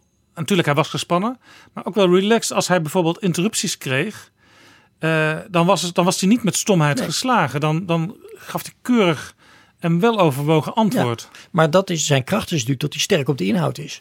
Dus bij, hij is wel het type politicus die je niet snel verrast met een inhoudelijk dossier. Want in, bij de vorming van het kabinet heeft hij steeds mee aan tafel gezeten. Dus die weet echt wel waar het over gaat. Dus hij kan vluchten, niet vluchten, hij kan de inhoud als wapen gebruiken. Dat is ook een overtuigingsmiddel, dus dat, is- dat is prima. Ehm, maar als je kijkt naar hè, de vormgeving van het betoog en, en, en daar met, je moet er ook echt wel uitstralen. Hij had ook je- een aantal filosofen aan. Ja. Dat doen meer politici. Ja, en ook met een paar keer best wel een leuke grap. van goh, hè, tegen Baudet. Van nou, Tocqueville, daar kom ik zo nog mee. Ja, en, eh, favoriet van Baudet. dus, ehm, dus, en zeker ook als hij volgend jaar weer zou staan, dan, dan zou hij het absoluut alweer beter doen. Ehm, eh, maar dit was, eh, nou ja, voor als je er van een afstand naar kijkt, ehm, ja, was het niet een heel sterk optreden. En Rob Jetten van D66 die heeft, die heeft grotere ambities. Hè. Die heeft al laten doorschemeren dat hij wel op wil gaan voor het leiderschap van zijn partij. Als fractieleider eh, ben je eigenlijk ook al op dit moment min of meer de leider. Hoe deed hij het? Het was zijn eerste grote debat. Ik vond dat, die, dat hij het echt goed deed. Ehm, want die stond er heel ontspannen. Met zichtbaar plezier. En dat is echt belangrijk. Je moet kunnen zien dat een politicus daar met een vanzelfsprekendheid staat. Eh, En daar ook lol in heeft om dat debat te voeren. Ja, dat is nog soms ook nog wel lastig, want je, vindt, je zit soms zo in het spel dat je grijns te groot wordt. Ja. En je moet natuurlijk ook wel een soort seriositeit uitstralen. En dat, dat deed hij ook wel. Ja. Dan heeft hij misschien wel een handicap van zijn leeftijd. Hij heeft natuurlijk een hele jonge uitstraling. Ja, absoluut. Maar hij, hij, hij deed dus op inhoud is hij natuurlijk ook wel sterk. Want hij loopt ook toch al best wel lang mee, ondanks zijn jonge leeftijd. En Nou, nog niet in de Tweede Kamer. Hè. Hij is natuurlijk wel al langer in Ja. de politiek. Hij is fractievoorzitter in Nijmegen in de gemeenteraad geweest. Jonge Ja. Democraten voorzitter Ja. van geweest. Dus die, dat, de, ehm, maar hij heeft nu wel een jaar, eh, ook toch wel een jaar als fractieleider rondgelopen. Maar inderdaad, qua dossierkennis kan hij nog niet zo ver zitten als de rest. Maar eh, als zeg maar een aantal van de anderen die er stonden. Maar hij stond daar heel ontspannen, kwam op geen enig moment in de problemen. Eh, had ook best een, een, een gedegen verhaal, zat goed in elkaar. Sterker nog, als ik het zou moeten verwegen ten opzichte van Pechtold, zijn voorganger, deed hij dat beter. Eh, Pechtold heeft niet voor niks onze prijs een paar keer gewonnen. Hij staat ook echt wel bekend als een ijzersterk die beter. Maar dat zat hem niet in zijn eigen verhaal. Dat zat hem in dat hij ijzersterk was in het interrumperen. Dat kon hij hartstikke Ja, ik herinner me Pechtold als hij zijn verhaal uitsprak achter het spreekgestoelte. Dat hij ook wel eens haperde, een beetje struikelde over lastige woorden. Ja. Dat was bij, bij, bij Jette allemaal niet. Eh Pechtold was natuurlijk was wel de koning lange tijd van de interruptiemicrofoon. En wie Ja. er verder ook in de regeringsbankjes zat en wie er verder ook meespeelde. Eh, bij Pechtold ging er toch vaak een soort siddering ook van wat gaat hij nu weer vragen, wat gaat Ja. hij nu weer zeggen. Ja, die had hem een paar technieken die hij gewoon feilloos beheerst. Had natuurlijk ook en veel dossierkennis. Ehm, ja, en die wist heel goed schijnbare tegenstellingen te, te maken. Vaak ook wel een beetje wel voor de insiders, de humor die hij gebruikte. Ehm, maar was niet sterk, of niet zo sterk, in zijn eigen eerste termijn. Dat was inderdaad toch een beetje waar we het eerder over hadden. Een beetje het opzommen van boodschappenlijsten. Van, nou, ik loop het even allemaal langs. Ehm, maar daar zat niet de kracht in. En dat deed Jette, die had dat echt beter uitgewerkt. Er zaten mooie zinnen in. Ehm, en nou ja, ook in de, in aan de interruptiemicrofoon minder effectief dan Asscher. Ehm, ook een moeilijke positie natuurlijk als regeringspartij. Ehm, maar ja, die kan echt nog verder groeien. Ja, Jette had natuurlijk het probleem toen hij aantrad dat hij meteen werd uitgemaakt voor robotjetten. Omdat hij een aantal keren hetzelfde antwoord herhaalde. Dat blijft dan heel lang op het netvlies kleven. Was dat robotachtige, was dat nu nog zichtbaar? Volgens mij niet. Maar dan zie je dus hè, hoe meedogenloos media kan werken en hoe lang je daar last van hebt. Die heeft dus toen die, dat was dus alleen dat eerste interview volgens mij met Frits Wester waarin dat gebeurd is. En op de dag volgens mij dat hij, of in de eerste week dat hij net fractieleider was. Ja, het was zelfs op het moment, een half uur, voordat hij voor het eerst in coalitieoverleg met zijn drie collega-fractievoorzitters ging. Eh, je hebt dat nog nooit gedaan, je bent daar nog nooit geweest. Er spelen allemaal moeilijke dingen. Frits Wester stelde hem daar vragen over, terecht, want dat is de rol van de journalist. Eh, maar ja, hij wist nog op geen enkele manier welke toezeggingen die zou kunnen krijgen. Ja. Dus hij kon ook nog niet spelen met ik ga iets eisen en dat kan ik ook doen, want waarschijnlijk krijg ik het ook wel toegezegd. Ja, maar ik, ik- zelf vind ik dat, ook nu ik daar weer eens over nadenk, dan ook wel op het, op het randje van wat je als journalist dan ook moet willen op dat moment. Weet je, we, hebben, we hebben er ook baat bij dat iemand, als die net in die rol zit, gewoon aan het werk kan gaan. En als je, het is heel begrijpelijk als je, nou precies wat jij schetst, in die situatie bent. Ehm, om dan direct die vragen te stellen, dat is helemaal terecht. Maar je kan je ook de vraag stellen, ja, moet je dat dan uitzenden? Want dan, dan, dan ja, gun iemand ook een beetje wel de ruimte om erin te komen. Ja, ja, ik heb ook wel eens bijvoorbeeld, noem maar even voorbeeld, uh, Bert Koenders was minister van Buitenlandse Zaken. Die kwam doodmoe uit een vliegtuig, de Kamer in weer een debat. En ik wilde hem voor BNR Nieuwsradio een vraag stellen over een totaal ander onderwerp wat op dat moment in de wereld speelde. En hij zei, vind je het goed, hij was echt doodmoe, dat ik dat nu even niet doe. Maar morgenochtend om tien uur ben ik hier weer. Stel me dan die vraag opnieuw, dan geef ik antwoord. En dat vond ik goed, want ik begreep ook wel, hij kwam uit een totaal andere wereld op dat moment uit het vliegtuig. Moest een debat in over weer een ander onderwerp. En ik vroeg over een derde onderwerp hem dingen. Ja, dan kan ik me ook al voorstellen dat dat, dat even niet gaat. Ja. Dat, ja, ja nou, soms moet je als journalist even rekening houden. Tenzij natuurlijk iemand totaal uh, knel of in de klem zit, politiek gesproken. Ja, dan moet op dat moment gewoon die vraag gesteld worden. En dan moet het juiste antwoord komen of niet. En dan moet... Uh, dan moet men maar zien wat men ermee doet. Als iemand er al langer zit, god, nou kan ik even niet op de naam komen. Je hebt in Groot-Brittannië ook echt zo'n filmpje wat toen viral ging van de, de voorganger van Jeremy Corbyn. Uh, een van de twee broers. Ja, die zat te eten. Dat, ja, maar die heeft ook een keer, toen zat hij echt al wel een tijdje, was die partijleider. En die werd geïnterviewd over, dat ging over een staking. En wat hij nou vond van die staking. En die had voorbereid om te zeggen van goh, eh, nou laat ik zeggen van joh, die staking is nu niet zo belangrijk. Het gaat erom dat we nu gaan onderhandelen en aan de slag gaan. En dat antwoord gaf hij en toen stelde de journalist een hele andere vraag. En toen antwoordde hij gewoon exact datzelfde weer. En dat ging tien keer door. En die was echt al een tijdje fractieleider. En dat werd toen integraal uitgevoerd. Blijkbaar was hij zo gespannen dat hij gewoon de vraag niet hoorde. Nou ja, of zo erg bezig met dat beeld van luister, ik wil gewoon deze boodschap uitzenden. Dus het maakt me niet uit wat je vraagt. Ik ga gewoon dat zeggen, want dat is de quote die ik wil geven. Ja. En je zit al een tijd in functie. Dan vind ik dat je het wel mag uitzenden. Ja, dan, ja Frits dan... Bolkestein, eh, we noemden hem straks al. Toen hij net politiek leider van de VVD was kreeg op een gegeven moment de brainwave. Weet je wat, ik ga gewoon vragen aan het NOS-journaal. Hoeveel seconden gaan jullie eigenlijk uitzenden van, wat, eh, van dat gesprek wat wij straks voeren? Het antwoord was 20 seconden. Toen zorgde Bolkestein dan met zijn voorlichter voor dat hij precies een tekst had voor 20 seconden. Dan heb je volkomen greep op de situatie. Nou ja, en, en misschien heb je dan uh, de, de, journalist ook een dienst bewezen. Want die, die, als die op zoek is naar een quoteje van 20 seconden. En die heeft haast. Dan heb je daar allebei baat bij, lijkt mij, om dat even af te stemmen. Um, volgens mij is daar niks mis mee. Eh, want uiteindelijk, ja, jij wil informatie hebben. En je weet ook belangrijk dat die politicus zijn verhaal kan vertellen. Um, nou, waarom niet? Ja, maar goed, we, we hadden het over Jette. Jij vindt hem een betere spreker dan Pechtold. Hij deed het ook al goed aan de interruptiemicrofoon. Dus dat, dat belooft eigenlijk wat voor volgende keren. Ik denk dat er zeker echt nog wel uh, groei in zit. Als je het de eerste keer zo doet, dan, uh, dan denk ik dat dat kan. En ik denk, ja, ik zou iemand ook even de ruimte geven om dat een tijdje te doen, die rol. Want je kan hè, nu wel weer zeggen van, goh, we gaan toch maar iemand anders lijsttrekker maken. Maar die zal ook weer meters moeten maken. En... Ja, hij heeft, er zijn natuurlijk mogelijk een paar ministers van D66. Ik noem Sigrid Kaag, ik noem Kajsa Olongren. Die zich misschien ook wel willen opwerpen als potentiële leider. Maar die hebben natuurlijk nog niet de breedte die een fractieleider wel heeft van onderwerpen. Absoluut. Die, die staan er dan ook voor een eerste algemene politieke beschouwing volgend jaar. Nou, of zelfs voor een verkiezingsdebat, wat nog erger is, want dan heb je meteen het scorebord daarna. Ik geef je te doen. En dan kan je, dan kan je het voordeel hebben, ik noem dat altijd een beetje het Emiel Roemer effect, hè, die in 2010 net lijsttrekker was. En toen een beetje verfrissend was in zo'n verkiezingsdebat. En misschien door zijn uitstraling ook iets minder hard werd aangepakt. Ehm, en dat werkte heel goed. Sterker nog, die is natuurlijk daarna in de peilingen hè, potentieel de nieuwe premier van Nederland. En, maar ja, toen deed hij de tweede keer meer in 2012, was het nieuwe er vanaf. Ja, en toen bleek toch echt dat hij, dat hij zeg maar, op inhoud echt wel wat tekort kwam. Ja.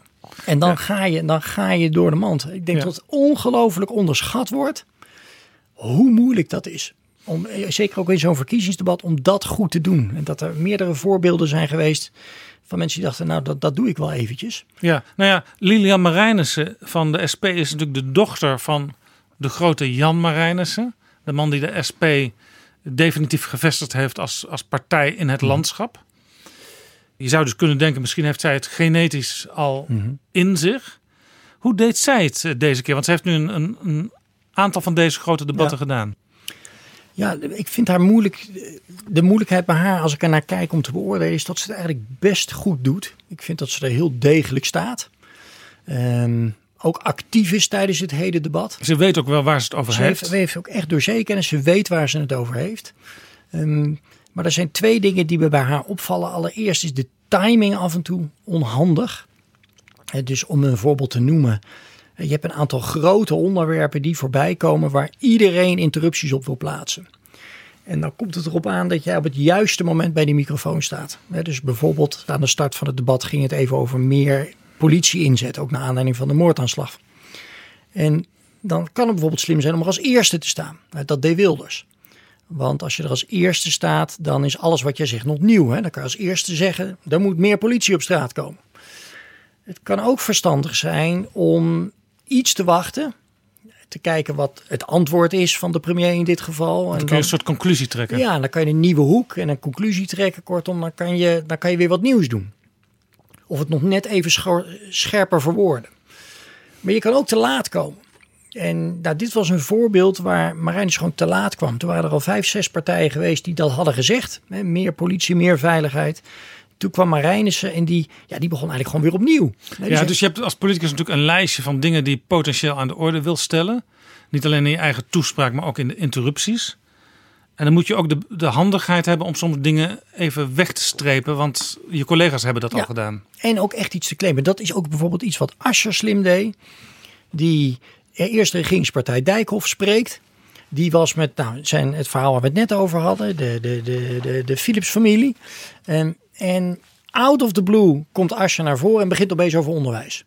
En die had dan een mooie link. Goh, heeft een, nou, die maakt een mooi bruggetje. Maar die begint over iets waar, waar Dijkhoff in de verste verre niet over aan het spreken was. Twee effecten. Eén, je haalt iemand uit zijn verhaal. Dat was best een leuk verhaal op dat moment. Afbreken. Het tweede wat je doet is, en dat bleek dus ook later, dat als je echt met onderwijs wat wilde, ja, dan moet je ook de eerste zijn die het Ja, want een van de grote klachten van Ascher was dat eh, sommige leerlingen eh, niet op hun vierde, maar pas op hun vijfde naar het onderwijs kunnen, omdat er te weinig eh, leraren, leerkrachten zijn. Dus hij riep ook iets in de sfeer van eh, die, die Philips kinderen ha- hadden die Ja. dan ook een jaar later naar school. Terwijl Dijkhoff wist natuurlijk helemaal niet hoe, hoe, op welke leeftijd je toen überhaupt ergens naartoe Ja. ging. Dus daar kun je ook helemaal geen goed antwoord op geven. Nee, maar het had in mijn beleving, ik bedoel, ik heb dat niet bij me gecheckt, maar ik, ik denk dat de reden was A, een beetje ontregelen, B, onderwijs claimen. Want daar wil ik een punt op maken. Nou, dat vind ik bij Marijnis af en toe dat ze dat, dat ze dat niet, dat ze dat nog handiger zou kunnen doen. En het tweede is, en dat merk je toch vaker bij, bij, ehm, bij de SP, is dat er een, dat zijn hele bevlogen mensen, maar die ook een soort het heilige gelijk hebben. En daardoor ook drammerig kunnen overkomen. Je moet op een gegeven moment ook daar iets ontspannender staan en een, en een grapje kunnen maken en met enige nuance ernaar kijken. Ik vind dat ze dat beter doet dan sommige van haar voorgangers ehm, en ook een aantal van haar partijgenoten. Maar je mist dat wel af en toe, een Ja. soort plezier. Wie dat heel goed deed, praten we natuurlijk wel van heel lang geleden, maar toch een soort van voorganger van Marijnissen, Marcus Bakker van de CPN. Eh, ja, die maakte, de echt de, die maakte hele cynische grappen, maar de hele zaal lag wel plat. Terwijl hij tegelijk natuurlijk achter het spreekgestoelte ja, de meest vreselijke toren uitriep over het beleid. Want dat deugde natuurlijk allemaal niet. En het kapitalisme moest uiteindelijk wel ten val komen natuurlijk. Maar die man had wel enorme humor. Want mijn vader, die meestal VVD stemde, die was een fan van Marcus Bakker. Ja. Ja, omdat dat, en dat moet ook af en toe. Je moet, ehm, het moet af en toe even luchtig zijn en, en, en grappig zijn. En even net goed getimed. Dat heeft natuurlijk niets met inhoud te maken. Maar mensen waarderen dat wel. Je had uh, toen Han Kuzu, dat vind ik overigens een, een, een voorbeeld van iemand die door de jaren heen echt gegroeid is. Ja, hè. de fractieleider van Denk. ja, we hadden het er net over, je moet er een paar keer gestaan hebben. Nou, die heeft er een paar keer gestaan. En die is echt een heel stuk beter geworden. Die had een veel beter uitgewerkt eh, eigen eerste termijn. En veel effectiever met interrupties. Maar ook een paar keer een leuke kwinkslag. Hè. Baudet stond er op een gegeven moment, die begon met een prachtig beeld van... joh, als je, bij, als je over Nederland vliegt... en dan zie je die prachtige akkers en het land waar we trots op moeten zijn. Eh, en toen dan Kuzu liep naar voren en zei... goh, meneer Baudet, was dat nou toen u vertrok in die privéjet naar Sicilië... of toen u terugkwam? Ja, Ibiza. Ja. Of, sorry, ja, Ibiza. Ja. ja, hij was met vriendjes van Quote en Jort Kelder en zo. eh, en, en, en de, de, ja, ja, dat was een paar weken geleden eh, of een paar maanden geleden. En Supply. ja. Dus was hij- die, eh, Maar dat is net dat heeft natuurlijk niks met inhoud te Nee. maken. Maar dat, En de hele zaal lachte mee. Ja. Die vond het een geweldig moment. Terwijl toen Hankuzu met zijn eh driemansfractie... eh heel veel partijen de afgelopen jaren het, het bloed onder de nagels Ja. heeft geha- gehaald... door het gezarg van zijn kant. Ja. Maar nu bleek hij dus eigenlijk eh, op een veel ervarende manier daar te staan. Ja, je moet natuurlijk ook een balans vinden met communiceren wat jouw achterban wil. Maar toch ook tegelijkertijd contact houden met die 150 die daar zitten. Dat is bij Wilders, die is natuurlijk snoeihard in die debatten. En, maar toch ook af en toe een grapje erbij. En in de wandelgangen wel toch onderdeel. Ja, nou ja, we begonnen natuurlijk ook dit gesprek met Wilders. En het viel mij op, ook op de tweede dag van de Algemene Beschouwing, donderdag. Daar maakte Wilders een groot punt van de onveiligheid in Nederland. Natuurlijk de, de moorden in Amsterdam. Eh, ook andere voorbeelden erbij. Maar hij zei een paar keer, en dat viel me echt op bij Wilders. Ik zal het richting Rutte of richting minister Grapperhaus van Justitie. Ik, ik neem het u niet persoonlijk kwalijk, maar dat is veel minder hoog van de toren dan die eh, gebruikelijk doet. Ja. Viel me op. Dus ook hij zocht meer dan gebruikelijk de nuance.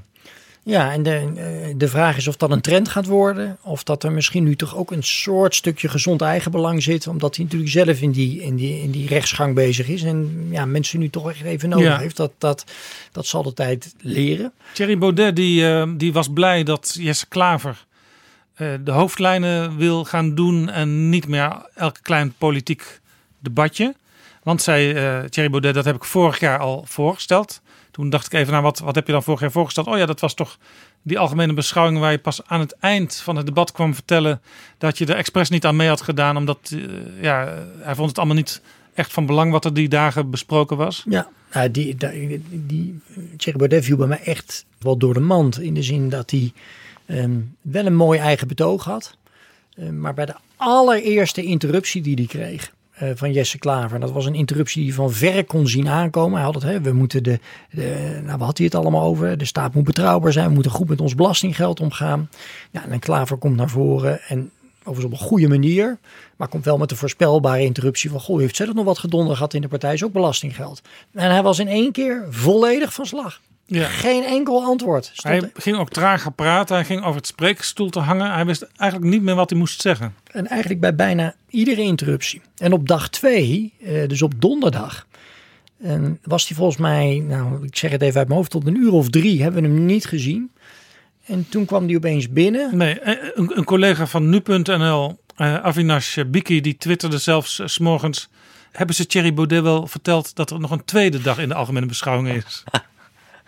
Ja, dat is, voor dat is natuurlijk ook een grap die het goed doet bij de insiders. Je moet je er ook altijd bij bedenken. Hè? Maar die mensen die zeg maar een ander leven hebben, die, zal dat allemaal, die maakt dat allemaal helemaal niet uit.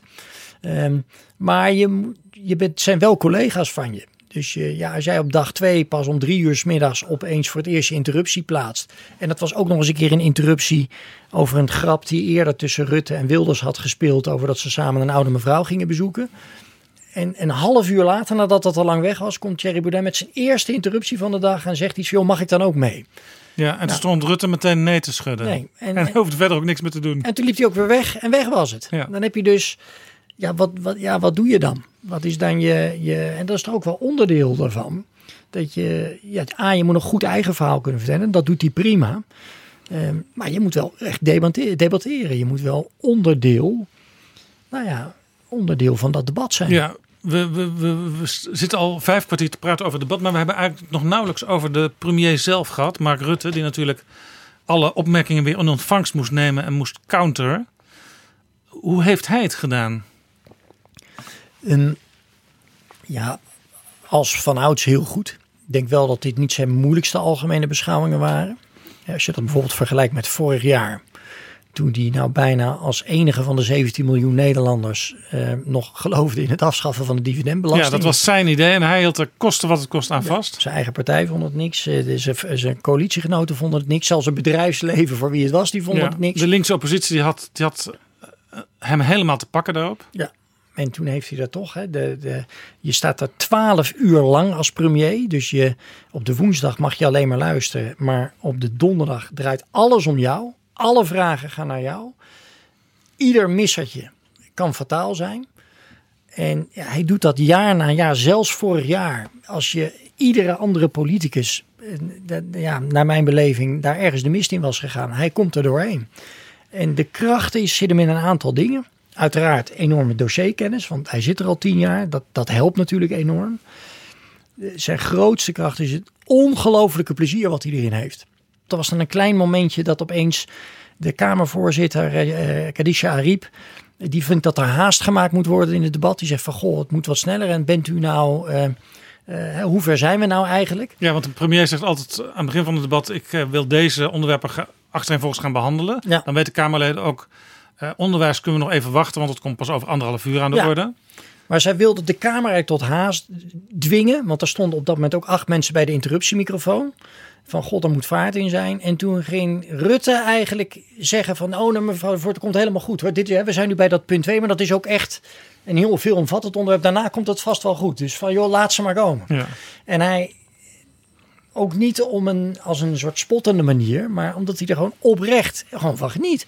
Ja, hij doet me ook een beetje, eigenlijk misschien wel van alle premiers die voor hem waren, het meest denken aan eh, Ruud Lubbers. Die natuurlijk twaalf jaar premier is geworden, dus, eh, geweest tussen 1982 en 1994.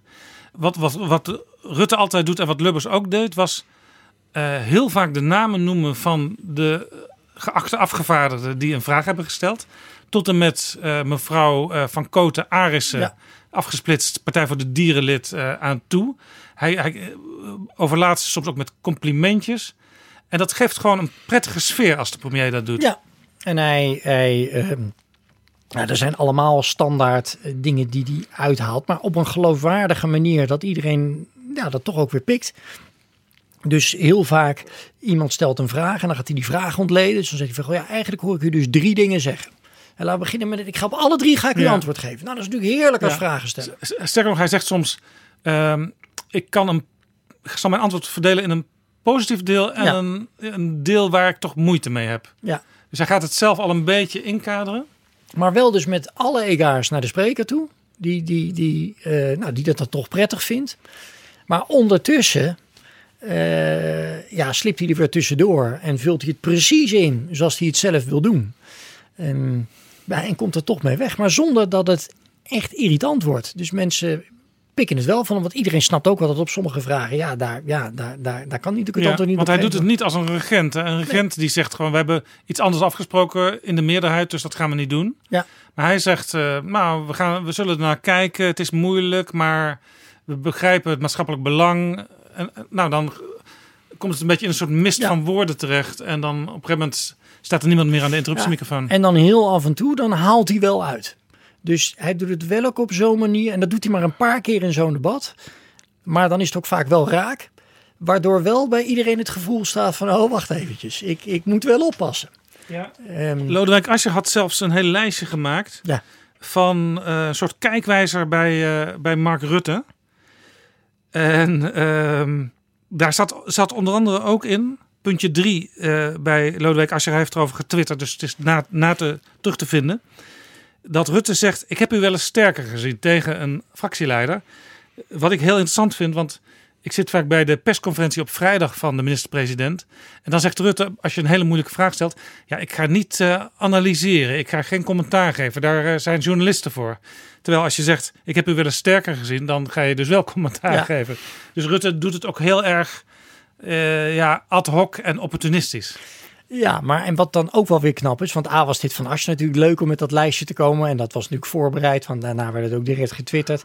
Maar Rutte reageert er dan ook weer sportief en grappig op. Dan zegt hij van, oh maar wacht eens even, ik, ik heb ook wel, wat ik kan wel, ja, ik weet niet hoe die het letterlijk zijn, maar ik kan u over Asje ook wel wat vertellen. Ja, ja. En dan weet je ook hoe je daarmee om moet gaan. En die, ja, die was toch tussen in de periode 2012-2017, vond ik toch dat hij dat wat verstandiger deed. Nou, Ja, zoiets. Ja. Dus dan waarderen ze het ook van elkaar. Dus er zit enorm plezier in, er zit heel veel techniek in. Maar het mooiste als ik er naar kijk is de, dat hij, bepaalt ook het ritme en de sfeer en het tempo van het debat. Dus hij is ontzettend goed in het, het verlichten van het debat met een grapje op het juiste moment. Eh, inderdaad, iemand anders ook de ruimte gunnen. Dus als iemand anders iets slims doet, dat ook te erkennen. Maar dan ook weer opeens heel serieus te zijn. En dan weer de inhoud in te duiken. En dan weer ja, te versnellen, te vertragen. Hij, hij staat bijna als dirigent staat hij staat hij voor Ja. het orkest. Ja. En, en Dus je kunt wel zeggen, negen jaar premierschap. eh, hij is dominant in het debat. Ja, en, hij, en wat er fascinerend aan is, is dat uiteindelijk heeft natuurlijk iedere politicus een houdbaarheidsdatum. Er komt een moment dat alles wat je aan hem waardeert en wat je knap vindt, en dat dat opeens irritant wordt. Dat hebben natuurlijk bijna al zijn voorgangers. Ja, en die discussie was de afgelopen jaren al een beetje gaande in de VVD. Maar die lijkt nu weer een beetje weggeëpt. Ja, ik, ik, ja ik, ik hoorde eigenlijk ook een beetje bij de school die dacht van nou dit is de laatste keer eh, bij de vorige verkiezingen. Dit kan hij nog één keer doen. Ehm, maar ik ben geen, eh, sterker nog, ik heb al een weddenschap afgesloten dat hij, eh, dat hij, eh, dat hij gewoon weer doorgaat. Ja, Omdat en- er, A, er, er zoveel plezier in heeft. Er straalt geen enkele vermoeidheid uit. En B, toch ook nog echt veel ja, collegialiteit ook in die Kamer heeft. Er zijn nog weinig mensen met die, waar die het niet mee kan vinden volgens mij. Nee, en als hij doorgaat in een volgend kabinet, dan zit hij op een gegeven moment ook langer dan Lubbers. En dan is hij gewoon de langstzittende minister-president. En ik heb ook nog even nagekeken, eh, hoe, hoe zat het eigenlijk met de samenstelling van eh, kabinetten die meerdere malen door dezelfde premier geleid werden. En dan zie je dat ehm Balkenende had best wel veel verschillende partijen in de loop van zijn vier kabinetten. Ehm, als Rutte ook een volgend kabinet leidt, wat ongetwijfeld net weer iets anders van samenstelling is dan het kabinet nu, daar zou bijvoorbeeld GroenLinks bij kunnen zitten, ik noem maar een partij, dan eh, overklast hij ook eh Balkenende daarin. Dus Lubbers in jaren, Balkenende in wisselende samenstelling van zijn kabinetten. En dan heeft hij dus eigenlijk, ja, dan is hij gewoon de, de premier die alles bereikt heeft. En voor een historicus moet dat natuurlijk heel mooi zijn. Ja, ik denk dat hij daar best, eh, best gevoelig voor zal Ja, zijn. het is wel zo natuurlijk dat Rutte zelf zegt altijd: ik heb geen visie. Visie, dat is de olifant in de kamer die het uitzicht Ja. belemmert. Eh, je zou kunnen zeggen, hij kan met alle winden meewaaien. Maar ja, dat is misschien ook een kracht dan. Ja, maar hij is, ik denk dat hij ook wel heel erg een premier van deze tijd is. Hè? Want met, met, met die wisselende samenstellingen, geen meerderheden in de Eerste Kamer en die hele constructie met de PVV in zijn eerste kabinet, ja, dat vergt van iemand ook dat je heel wendbaar bent en dat je het met iedereen kan vinden. En dat, dat, dat, dus hij past ook wel heel erg bij deze tijd. Maar vooral het plezier dat hij erin heeft. Ik heb ook altijd hè, de, hele discussie hij gaat misschien naar Europa toe. Ik altijd vragen, volgens mij is dat helemaal niet zo. Deze man is, is ook zo verknocht aan Den Haag en aan de sfeer hier. Die, eh, die wil echt nog wel even door. Dat is een interessante conclusie. En ik teken er nog even bij aan jou, een beetje resumerend. Eh, we hebben dus de premier die nog steeds op de toppen van zijn kunnen is. We zien Lodewijk Asscher eh, steeds dominanter worden vanuit de Kamer, vanuit de oppositie. En we zagen Rob Jetten in zijn eerste spreekbeurt, zijn eerste grote spreekbeurt en zijn eerste grote debat aan de interruptiemicrofoon eh, als een groot talent. Dat zijn eigenlijk de, de dingen die zeg maar als belangrijkste conclusies bij deze twee dagen algemene beschouwingen overblijven. Ja, en een, een bijzondere toon tijdens het debat. Ik denk dat dat het, hetgeen is wat het meest bij mij gaat blijven. Ja, de welwillende houding van eigenlijk alle partijen tegenover elkaar Ja. om de oplossingen nog beter te maken. Ja, en, en nou, we hebben geprobeerd met z'n tweeën daar iets van een antwoord op te bedenken waar dat allemaal ingezeten heeft kunnen hebben. Maar wellicht zijn er nog veel meer factoren. En misschien was het een eendagsvlieg en is het volgend jaar weer totaal anders. Ehm, maar het was wel een verademing. Zullen we het er over een jaar weer over hebben, dan naar aanleiding van de algemene beschouwingen van 2020? Ik teken ervoor. We spreken het af. Dankjewel, Roderick.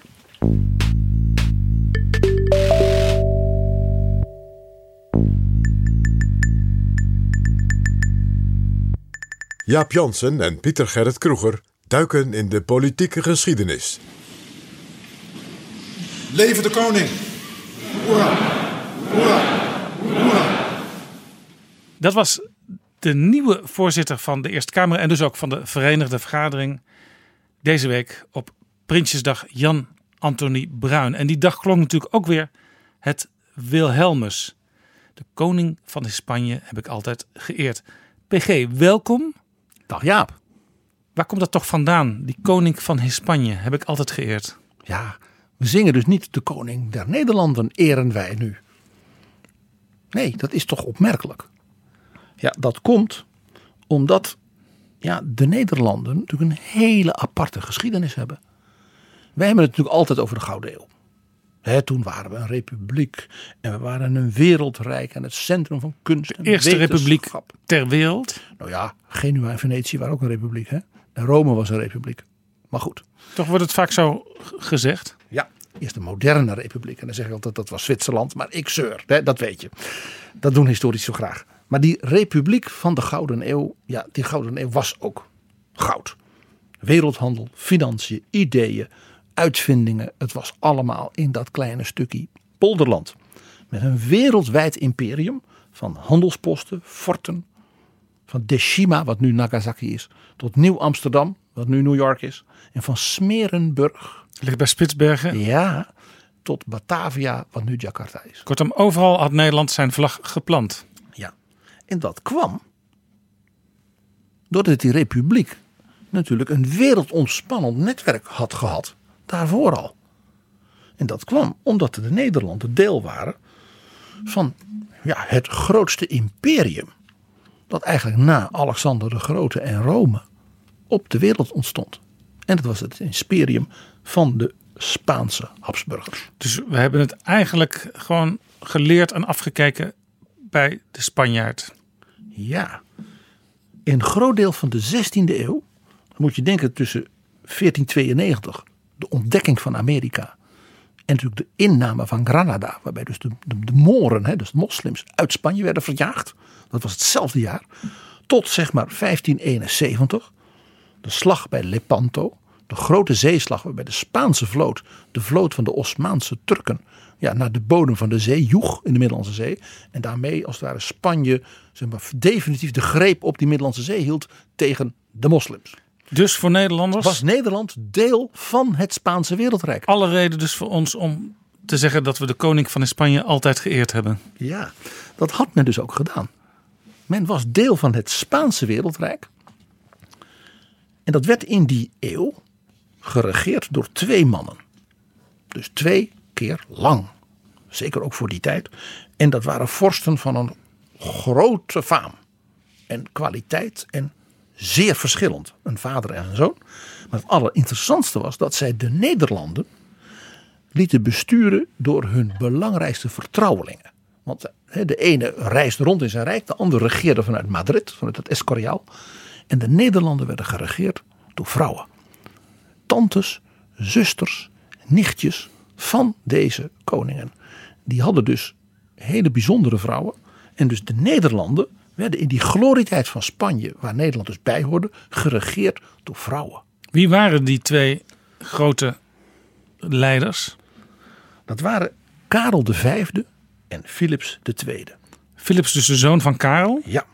En Willem van Oranje heeft, was dus een zelfs geliefde jonge raadgever van Karel V. En was dus zeer goed bekend, zei dat, dat de verhouding wat afstandelijk was met Philips II. En daarom dat Willem van Oranje dat eerste couplet zo onderstreept. De koning van Hispanje Ja. heb ik altijd geëerd. Want het Wilhelmus is eigenlijk een lied wat je zou kunnen zeggen geschreven is vanuit de gedachtenwereld van Willem van Oranje. Marnix van Sint-Aldegonde wordt het aan toegeschreven als auteur.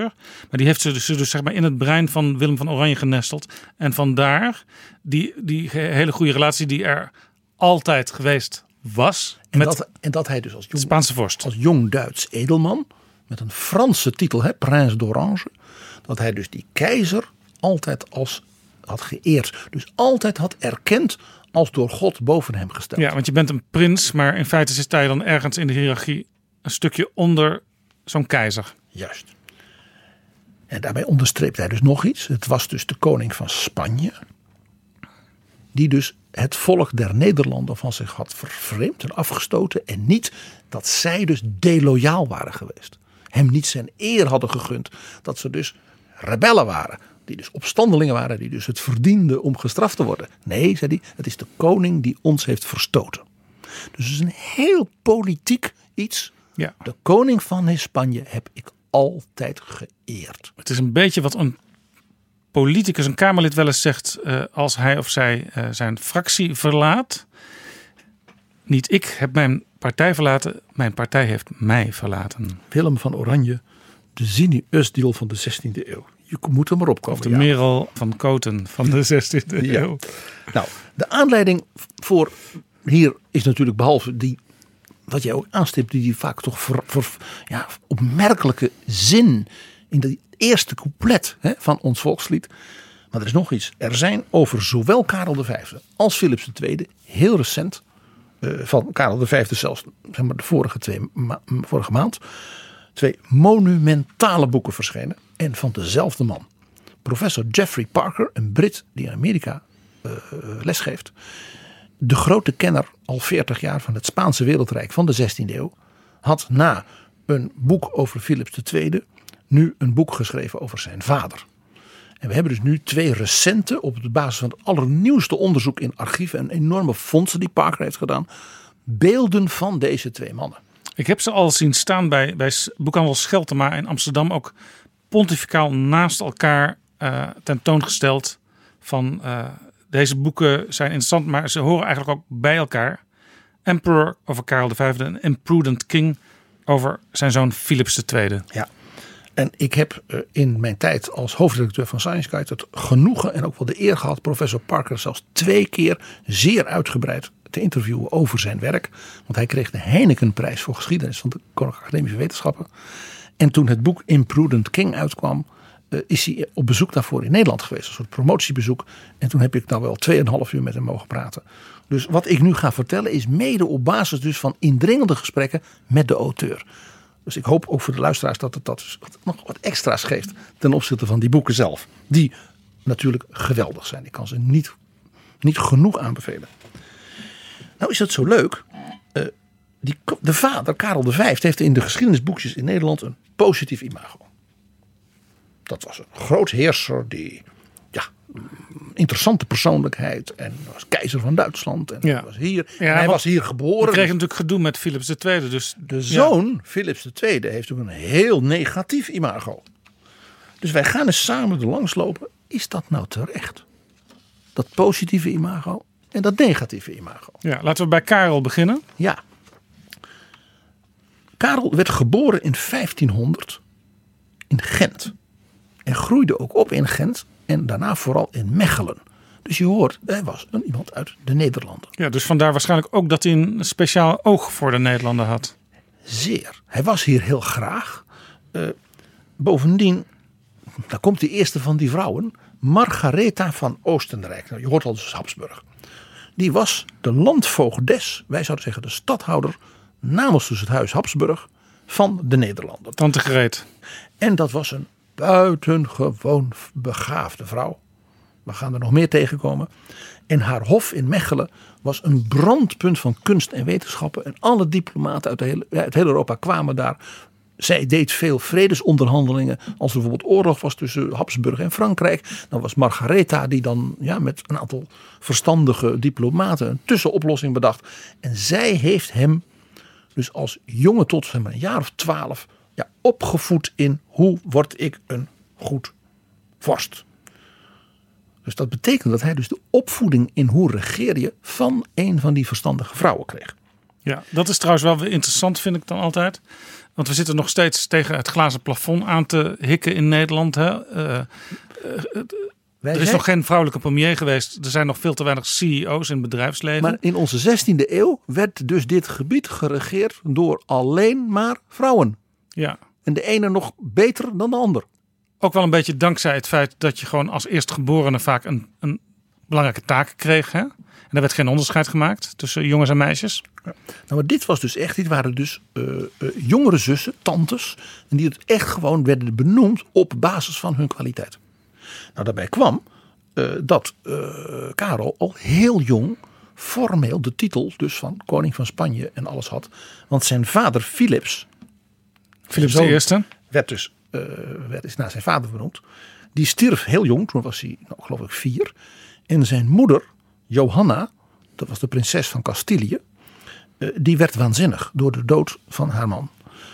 En die is dus ja, eigenlijk opgesloten in een klooster. Eh, en hij had dus wat dat betreft ook een hele verdrietige jeugd. Dus die tante, Margarethe, en zijn grootouders toen hij 12 was, hebben ze hem naar Spanje gehaald. Om daar dus ook ja, Spaans te leren. En die grootouders waren de grote koningen van Spanje, Los Reyes Católicos, Ferdinand en Isabella, de beroemde vorsten van de Spaanse geschiedenis. Ja, het gaat misschien wat die ver. hebben dus die kleinzoon na dus die basisopleiding door Margaretha, de tante, als ware de finesses van Spanje regeren geleerd. Dus hij was al heel jong eh, een topper. Eh, en eh, ja, hij was natuurlijk een, de belichaming van de fusie van drie van de allergrootste dynastieën van Europa. Namelijk het huis Bourgondië van zijn vader. Zo kwamen ze aan de Nederlanden. Het huis Habsburg, nou ja, Oostenrijk, Duitsland en Italië. En Castilië en Aragon, Spanje met dus dat wereldrijk. Dat is dus een heel groot deel van Europa waar zij over gingen. Deze tiener was dus koning en keizer van een rijk. En ik ga nu gewoon in hoog tempo waar hij allemaal de baas van was. Spanje en de hele nieuwe wereld. Dus Noord- en Zuid-Amerika. Noord- en Zuid-Italië. De hele Nederlanden. De zogenaamde Habsburgse erflanden. Dat is Oostenrijk, Bohemen, Moravië, Hongarije, Elsass-Lotharingen. En hij was keizer van Duitsland. Hij regeerde over 40% van de bevolking van Europa. Dat waren toen 28 miljoen mensen. 3 miljoen in de Nederlanden, 5,5 miljoen in Spanje. Dus de Nederlanden was toen meer dan de helft van de bevolking van Spanje. Ja. Dus veel dichter bevolkt dan Spanje was. Ja. Sinds Alexander de Grote en zeg maar, de keizers Trajanus en Hadrianus van Rome had niemand zo'n groot rijk geregeerd. De Oostenrijkse Habsburgers hadden ook een motto om hun ongelooflijke trots op wat ze hadden bereikt te dingen. En dat zie je dus in hun wapens en in hun kastelen. Namelijk de, vier, de vijf klinkers van het alfabet. A, E, I, O, U. Oh, is het dat? En dat Ja. staat voor alles Erdreich is Oostenrijks ondertaan. Heel de wereld is onderdaan van Habsburg, van Oostenrijk. Wauw. Ja, vanuit deze tijd zou je zeggen dat A, E, I, O, U, dat is een eh, soort eh, wachtwoord, een code hè, om, je, om je computer binnen te kunnen. Dat was het logo, zou je ja. nu zeggen. Ja, ja, ja. Nou, Karel trok persoonlijk. Dat was een, hij was echt persoonlijk soort heerser. Die trok door het hele rijk te paard. Met kerels, ja, met legers, met diplomaten. Want hij wou eigenlijk overal achter de knoppen zitten waar er iets te doen viel. Een crisis was, een oorlog was, een, een, vergadering met alle andere vorsten. Hij kwam persoonlijk. Het was een enorme doener. Eh, hij was extravert en het was een optimist. Hij had zoiets van als ik zelf daarheen ga, dan los ik dat op. Hij, hij regeerde uit het zadel, zou je kunnen zeggen. Het was een enorme reiziger. En het was, werkte dus waarschijnlijk ook zo dat als de baas zelf kwam kijken en instructies kwam geven, ja, dan liep je wel even nog eh, wat sneller. Ja, en hij was natuurlijk met 12 dus al koning van Spanje. En met 19 keizer van Duitsland en van de, de erflanden, dus Oostenrijk. Dus het was een jonge vent, hij was gezond. Eh, ja, eh, hij had een soort aanpakkerige en ook wat extraverte persoonlijkheid. Dus hij, was ook, hij werd gauw, gauw ook sympathiek gevonden. Een echte leiderstype. En ja, zijn geheim was natuurlijk dat hij als jonge vent overal in dat rijk die tantes, die zussen van hem, die nichtjes van hem had zitten. Die hij dus als het ware delen gaf. Jij regeert dat, jij regeert dat. Waren die tantes wel ouder dan hij zelf? Op één na, die zullen we zo eh, eh, eh, noemen. Maar het kan dus wel zijn dat hij soms toch een beetje onder de plak zat. Om, Nee, nee, nee, nee, hoewel- nee, nee, nee, nee, nee. Nou, la- dat was later in zijn leven wel. Ik noemde dus eentje, Margaretha van Parma. Parma was natuurlijk een huis, dat was een deel van Habsburg. Dus een Italiaanse dame. Dat was de moeder via een, ja, er was iets gebeurd in haar huwelijk, zullen we maar zeggen. Van een neef dus van eh Philips, Philips II, zijn zoon. En dat werd een vriend van hem, die is met hem samen opgeleid. En dat was een briljant generaal. Dat was de, ja, de, de beste eh, eh, militair leider van die tijd. Ja. En die werkte dus voor zijn neef. Hij was dus de zoon van Margaretha van Parma. Ja, en zij heeft dus heel veel van die regeerdingen gedaan. Ook de Nederlanden. Dan had je natuurlijk die tante, Margaretha van Oostenrijk, die hem gewoon leerde allround te regeren vanuit Mechelen. Ja. Dan had je zijn vrouw, een prinses Isabella van Portugal.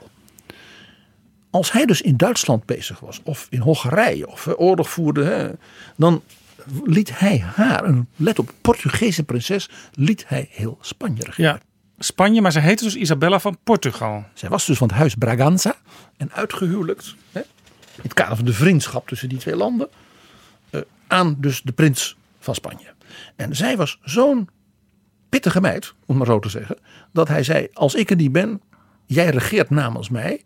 En jij voedt onze zoon Felipe op. Ja, Philips II later. Die later Philips II. Dus die leerde het regeren weer van een vrouw. Net als Karel dus van zijn tante Margaretha. Karel wist dus, als je een verstandige vrouw hebt, die kan zo'n jongen vormen.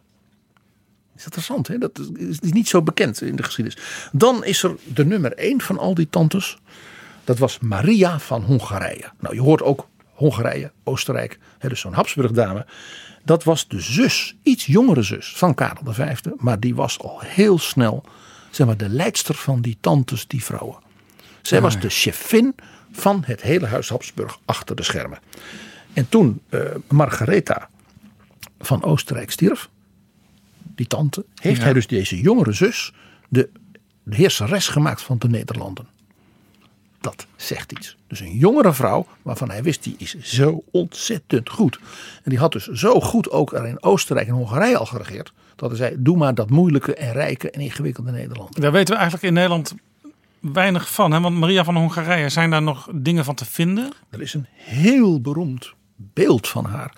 Onder andere in het Prado in Madrid. En ook in het grote kunstmuseum in Wenen. Maar niet in Nederland? Nee.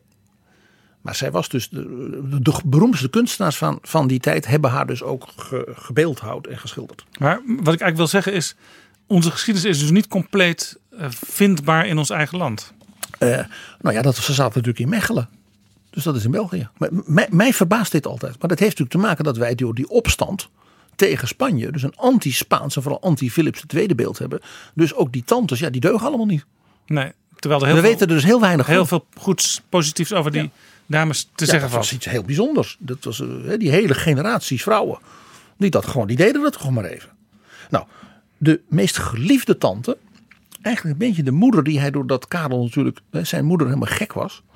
eh, had, die had een jongere zus. Catharina, Catalina werd ze genoemd. En daar was hij dol op. En die kennen wij allemaal uit de geschiedenis. En uit de tv-series. Want dat is Catherine of Aragon.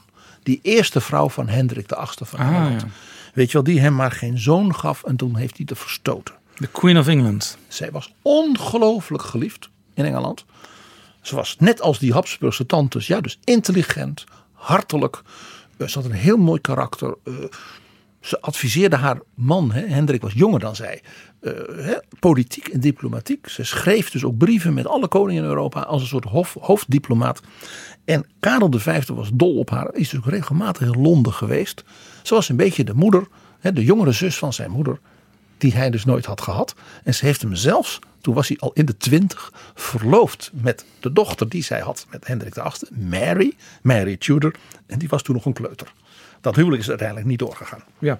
Overigens, het is best wel ingewikkeld. Al die namen op de website, althans in de beschrijving van betrouwbare bronnen, zullen we de namen van die eh Margaretha Al van die- Parma, die bijzondere vrouwen. Isabella van Portugal, Maria van Hongarije en Catherine of Aragon even op een rijtje zetten. Zodat als je echt helemaal eh, de draad kwijtraakt, kun je daar nog even kijken om eh, het spoor weer te kunnen volgen. Deze vrouwen vormen natuurlijk een club. Want die schreven met elkaar. Die hadden natuurlijk diplomaten, vaak ook biechtvaders, die tussen hun verschillende ja, paleizen reisden. Ze zagen elkaar toch ook met enige regelmaat. Eh, en die volgden dus Karel V. En het interessante was, zij volgden hem vrij kritisch. Want zij zeiden, ja, jij reist maar rond en dan daar en dan daar. En je, je bent een actievent, maar er zit geen lijn in jouw bewind. En vooral Maria van Hongarije, dus zijn jongere zus, werd steeds meer bezorgd. Want die zei, mijn oudere broer, ik ben dol op hem. Maar het is een improvisatiekunstenaar. Het is geen architect. Er zat geen structuur in. En dat kan niet goed gaan als je een wereldimperium moet regeren.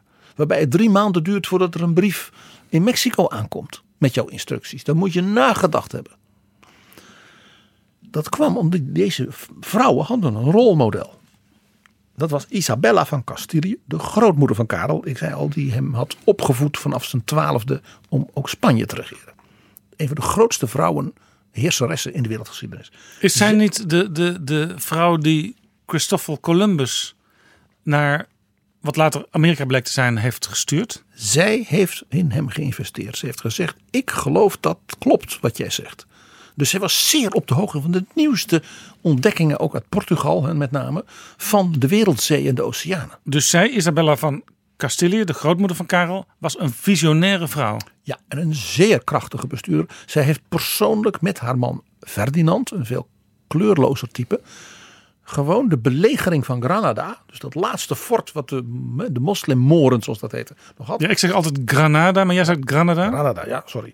En eh, zij was er persoonlijk te paard. En toen dus de heerser, ja, toen het mo- moest overgeven, toen heeft ze dus gedwongen dat zij als vrouw te paard zittend, dat hij op zijn knieën moest en zijn zwaard aan haar moest geven. Nou, dan begrijp je wel wat een persoonlijkheid. En die vijf tantes en zusters, die dachten dus aan haar, aan Isabella. Het rolmodel. En ze dachten, wij zouden ook meer haar, zeg maar uit haar naam moeten, de wereld moeten beschouwen en moeten regeren. En dat is eigenlijk ook een opdracht voor Karel. Ja. En Karel doet dat te weinig, want die is te zeer bezig met al die kleine dingen in zijn rijk. Want Isabella maakte Spanje die wereldmacht. Hè, met de verovering van Amerika. En, hè. Wat zij ook deed, dat ze binnen Spanje dat Castilië en Aragon integreerde. Dus zij zorgde er voor het eerst dat Spanje nationale instituties kreeg. Nationale wetten, nationale afspraken. Eh, voor het marktrecht en dergelijke. Dus waardoor de economie enorm tot bloei Ik kom heel vaak in Spanje en ik zie ook heel vaak die naam Isabella daar ergens geschreven staan. Die maakt nog steeds heel veel indruk. En omdat ze dus eh, zo, zo de- de- de- het katholicisme bevorderden en de islam verjoegen uit Spanje, worden ze dus Los Reyes Católicos genoemd, de katholieke koningen. Dus zij, zij liet zien, bouw nationale instituties op, dus integreer al die losse stukjes, zet daar een lange lijn uit en doe dat krachtdadig. Dus die tantes hè, van Karel, die hadden, ja, zo doe je het. Zo word je een krachtig en door de mensen ook bewonderd en ook wel een beetje gevreesd heerseres. Je moet doortastend zijn en wijs.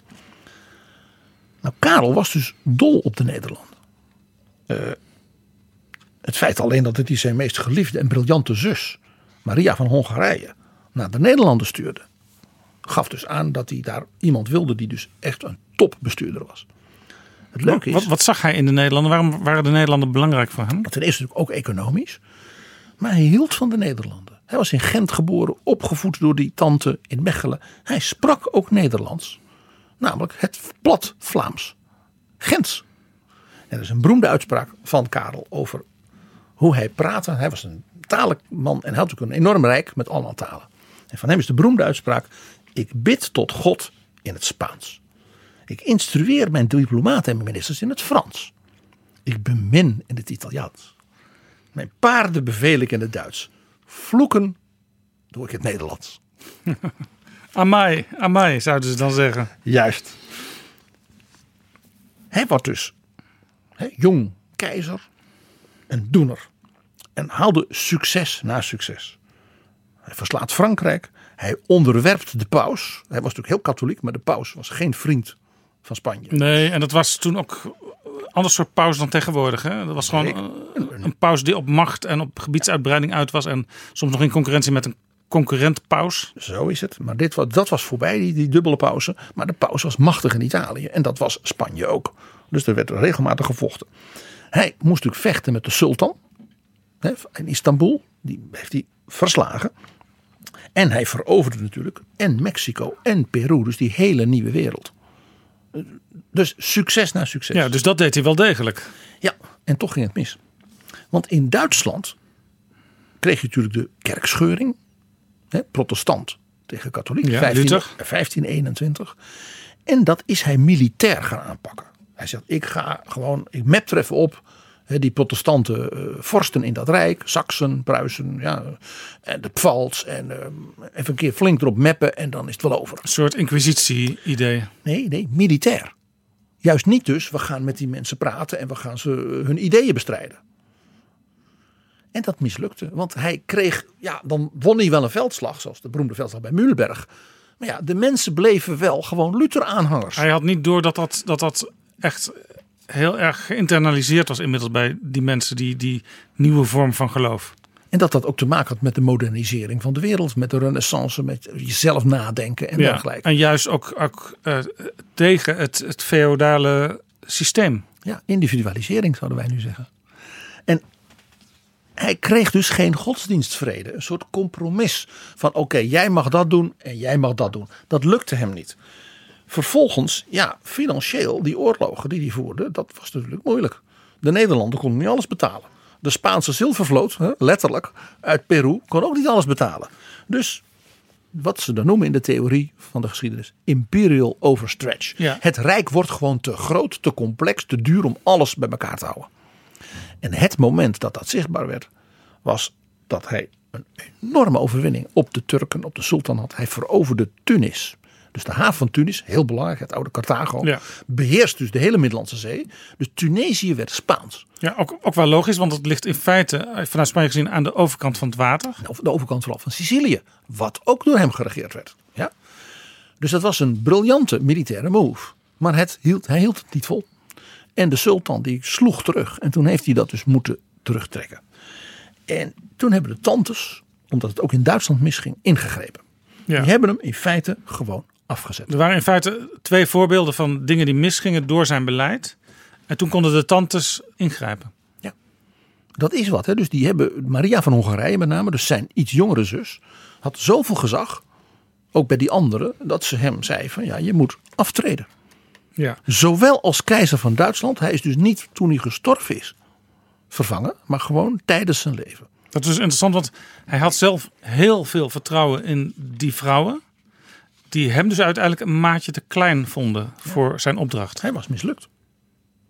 Dat is wat hoor. Dit is een, een politiek drama in de geschiedenis. Is een beetje ook wat je soms in de Nederlandse politiek wel ziet als mensen hun opvolgers aanwijzen. En uiteindelijk door hun opvolgers figuurlijk vermoord worden. Ja, maar dit was dus nog heel anders. Dit was niet de opvolger. Dit waren zijn zus, Ja. zijn tante, Ja. zijn vertrouwelingen, Ja. zijn familie. Nou, ze hadden dus bovendien, ja, ik zei al, ze hadden al langer wat kritisch gekeken naar dat geïmproviseer. En ze hadden gewoon twee kandidaten klaargestoomd. Het was dus echt een complot, zouden we nu zeggen. Want de prins Ferdinand van Oostenrijk. Jij zei, nou, die doet het Oostenrijkse deel. Die wordt dus keizer van Duitsland. En jouw zoon Felipe in Spanje is nu 16. En die is zo intelligent. Zo goed. En die is door zijn oma, ja, Isabella, zo goed opgeleid. Die is klaar. En door zijn moeder, Isabella van Portugal. Die jongen is klaar met 16. Dus ze hebben gezegd: maak hem maar vast regent. Jij blijft officieel nog wel koning. Ja, dat is wel pijnlijk, hè? Ja. En eh, toen, eh, ja, toen heeft. ja, dan kan hij vast regeren. Toen heeft Karel iets heel bijzonders gedaan. Die heeft in overleg met de tantes een boek geschreven voor zijn zoon. Dat heet De Instructies. 50 pagina's handgeschreven door hem, niet door een secretaris. In het diepste geheim. Hoe moet je regeren? Een soort handboek keizerschap. En dat boek, daar zijn variaties van ooit al. Hè? En Parker, de schrijver van het boek, heeft in een archief het originele handgeschreven exemplaar van Karel teruggevonden. Met de doorhalingen, met dingetjes in de kantlijn. Oh ja, nog dit. Een Kijk, fascinerend Dat is nou document. mooi. Eh, We hebben het ook wel over gehad met bijvoorbeeld Andrew Roberts toen we het over zijn biografie van Churchill hadden. Soms denk je van waarom na 200 boeken over die persoon of over dat thema nog weer een boek schrijven. Maar in de archieven kun je nog steeds nieuwe dingen vinden en eigenlijk ook meer dan vroeger. Omdat het natuurlijk steeds meer eh, geopenbaard wordt en het ook steeds meer vindbaar wordt. Hè? De computer is de grootste vriend van elke historicus. Dus je kunt eigenlijk een, een, hele nieuwe, een heel nieuw licht werpen op eh, bijvoorbeeld eh, Karel of op Philips door nieuw archiefmateriaal. Nou, we gaan het nu. Hè? Karel wordt afgezet door de tantes. Felipe wordt als Philips II, zoals wij hem kennen. Dus de heerser van al die dingen van Karel. Behalve zeg maar het Duitse stukje, de Oostenrijkse erflanden. Ja. En professor Parker heeft eh, dus niet alleen de instructies teruggevonden. Die heeft in een archief in Amerika, letterlijk in een kelder.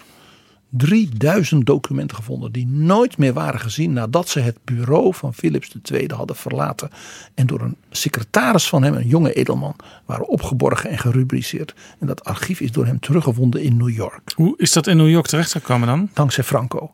Die adellijke familie is gevlucht en die hebben hun spullen meegenomen. En Parker zei tegen mij, Mr. Kruger, een derde interessant, maar kende ik, maar wel leuk om het origineel te zien. Een derde heel interessant, maar een interessant detail. En een derde van die 3000 stukken, dus duizend stukken, zei hij, pure gold. En toen zei hij, ik heb een compleet nieuwe biografie van Philips II moeten schrijven. We gaan het dus nu over. Philips II. Geweldig. Die regeerde dus alles van Karel, behalve de Oostenrijkse erflanden en het Duitse keizerrijk. Maar zijn rijk werd nog veel groter. Want door zijn militairen en vooral zijn marinemensen werden in Azië van alles veroverd. De Filipijnen, dat strategische eilandengedeelte tussen China, Indonesië en Japan, heet naar hem. Ja, Filipijnen, Philips. En daarom dat de Philippe. mensen daar ook allemaal katholiek zijn. Het is het enige stukje Azië waar iedereen bijna katholiek is. Ja, dat is inderdaad opmerkelijk. Ik ben daar geweest en dat viel me op, ja. En dat komt dus door het Spaanse bewind. Daarbij kwam, hij heeft, doordat zijn moeder Isabella van Portugal was, afgedwongen dat hij zelf koning van Portugal werd. En dus kwam dat gigantische Portugese wereldrijk, Latijns-Amerika, Azië, Afrika, Japan hè, was Portugees, Brazilië, Mozambique, Angola. Nou, dat werd allemaal ook dus van Philips. Dus Philips had een nog groter wereldrijk dan zijn vader. Dit was echt het rijk waarvoor in de wereld de zon nooit Ja. onderging. ja, want zijn vader had dus al 40% van, Van Europa. Europa, Eh, maar eh, Philips die had ook nog wel een heel groot deel van de wereld. Hij, was, hij wilde dus ook laten zien in kunst dat hij een wereldheerser was. Bij ons in de Nederlanden, in Nederland, is daar een van de beroemdste voorbeelden van. De Sint-Janskerk in Gouda, daar heb je de beroemde goudse glazen. Dat is een renaissance cyclus van glas in lood. En dat is één grote ja, propagandafilm van Philips II. Koning van Spanje, keizer van de wereld en heer der Nederlanden met zijn vrouw, prinses Mary. Ja, jij zegt propagandafilm, want zoals we het vroeger op de lagere school al geleerd hebben, hè, die, het glas in lood in de kerken, dat waren verhaaltjes, zodat iedereen ongeveer kon begrijpen waar het over ging. En dit is het verhaal van Philips als de goede, rechtvaardige en natuurlijk ongelooflijk machtige heerser der Nederlanden. En dat heeft hij zijn opdracht dus gegeven daartoe aan de beste glas- en loodschilders van de Renaissance. Het is een van de meest unieke kunstwerken in Europa en bijna niemand kent het. Ja, en hij regeerde vanuit het Escoriaal. Ja, ga daarheen. Vlakbij Madrid. Ja. Was dit eigenlijk de reactie, de ultieme reactie op Karel, die dus heel Europa doorreisde? Hij ging op één centrale plek zitten en daar zat hij ook bijna altijd. Ja, dit was dus een les van die grootmoeder van Isabella. Centralisatie, modernisering, alles zelf aansturen, niet maar rondreizen en improviseren. Dit stond niet in het handboek, denk ik. Nee. Heel goed. Hij had dus alles mee. Hij had het vertrouwen van de tantes. Hij was briljant. Hij ging van triomf naar triomf. Een beeld wat dus helemaal in onze schoolboekjes niet komt. Een van de allereerste dingen, hij was net koning. Op de naamdag van de heilige Laurentius. San Lorenzo dus. Ja, verslaat zijn leger de koning van Frankrijk in Noord-Frankrijk bij Saint-Quentin, even boven Parijs. Vernietigend. Er blijft, ja, driekwart van het Franse leger was dood, dan wel gevlucht. En de koning, er moest dus een zeer vernederende vrede, die door de tantes natuurlijk werd onderhandeld, ja, eh, doen. En daarmee was dus zijn belangrijkste concurrent ja, in Europa verslagen. Hij bouwt een global empire. Als ik je vertel dat de, Spaans, de Japanse keizer een delegatie voor onderhandelingen stuurde naar het Escoriaal. En dat ging per boot. Japan, Manila, hè, dus Filipijnen. Dan met een hele lange, het, eh, eh, eh, hoe noem je dat? Van Manila gingen ze met boot op zo'n oceaanstroom. Die nam ze gewoon mee naar de kust van Mexico. Dus de hele stille oceaan over. In Mexico werden ze ontvangen door de onderkoning van Spanje. Hè, dat was de koning, hè, de, de, de, de regent van Mexico. Overland, Mexico City, dan naar Veracruz. En van Veracruz via Havana naar Sevilla. En dan overland kwam dus de delegatie van de Japanse keizer in het Escoriaal. Toen heeft hij dus met ze onderhandeld over de relatie met Japan, de handelsverdragen en wat dan niet. En toen gezegd wat u wel moet doen, dat verlang ik van u. U bezoekt de paus in Rome, zodat u in mijn opdracht het Japanse volk tot het ware geloof kunt bekeren. Jawel. Dat gaf dus aan, hij was een man met een wereldvisie ook. 1571, misschien wel zijn grootste overwinning. Hè, toen waren we hier dus in de Nederlanden al een beetje aan het rebelleren. De slag bij Lepanto. De zeeslag waarin dus de vloot van de sultan werd verslagen. Lepanto, wat is dat? Dat is een baai eh, aan de kust van Griekenland.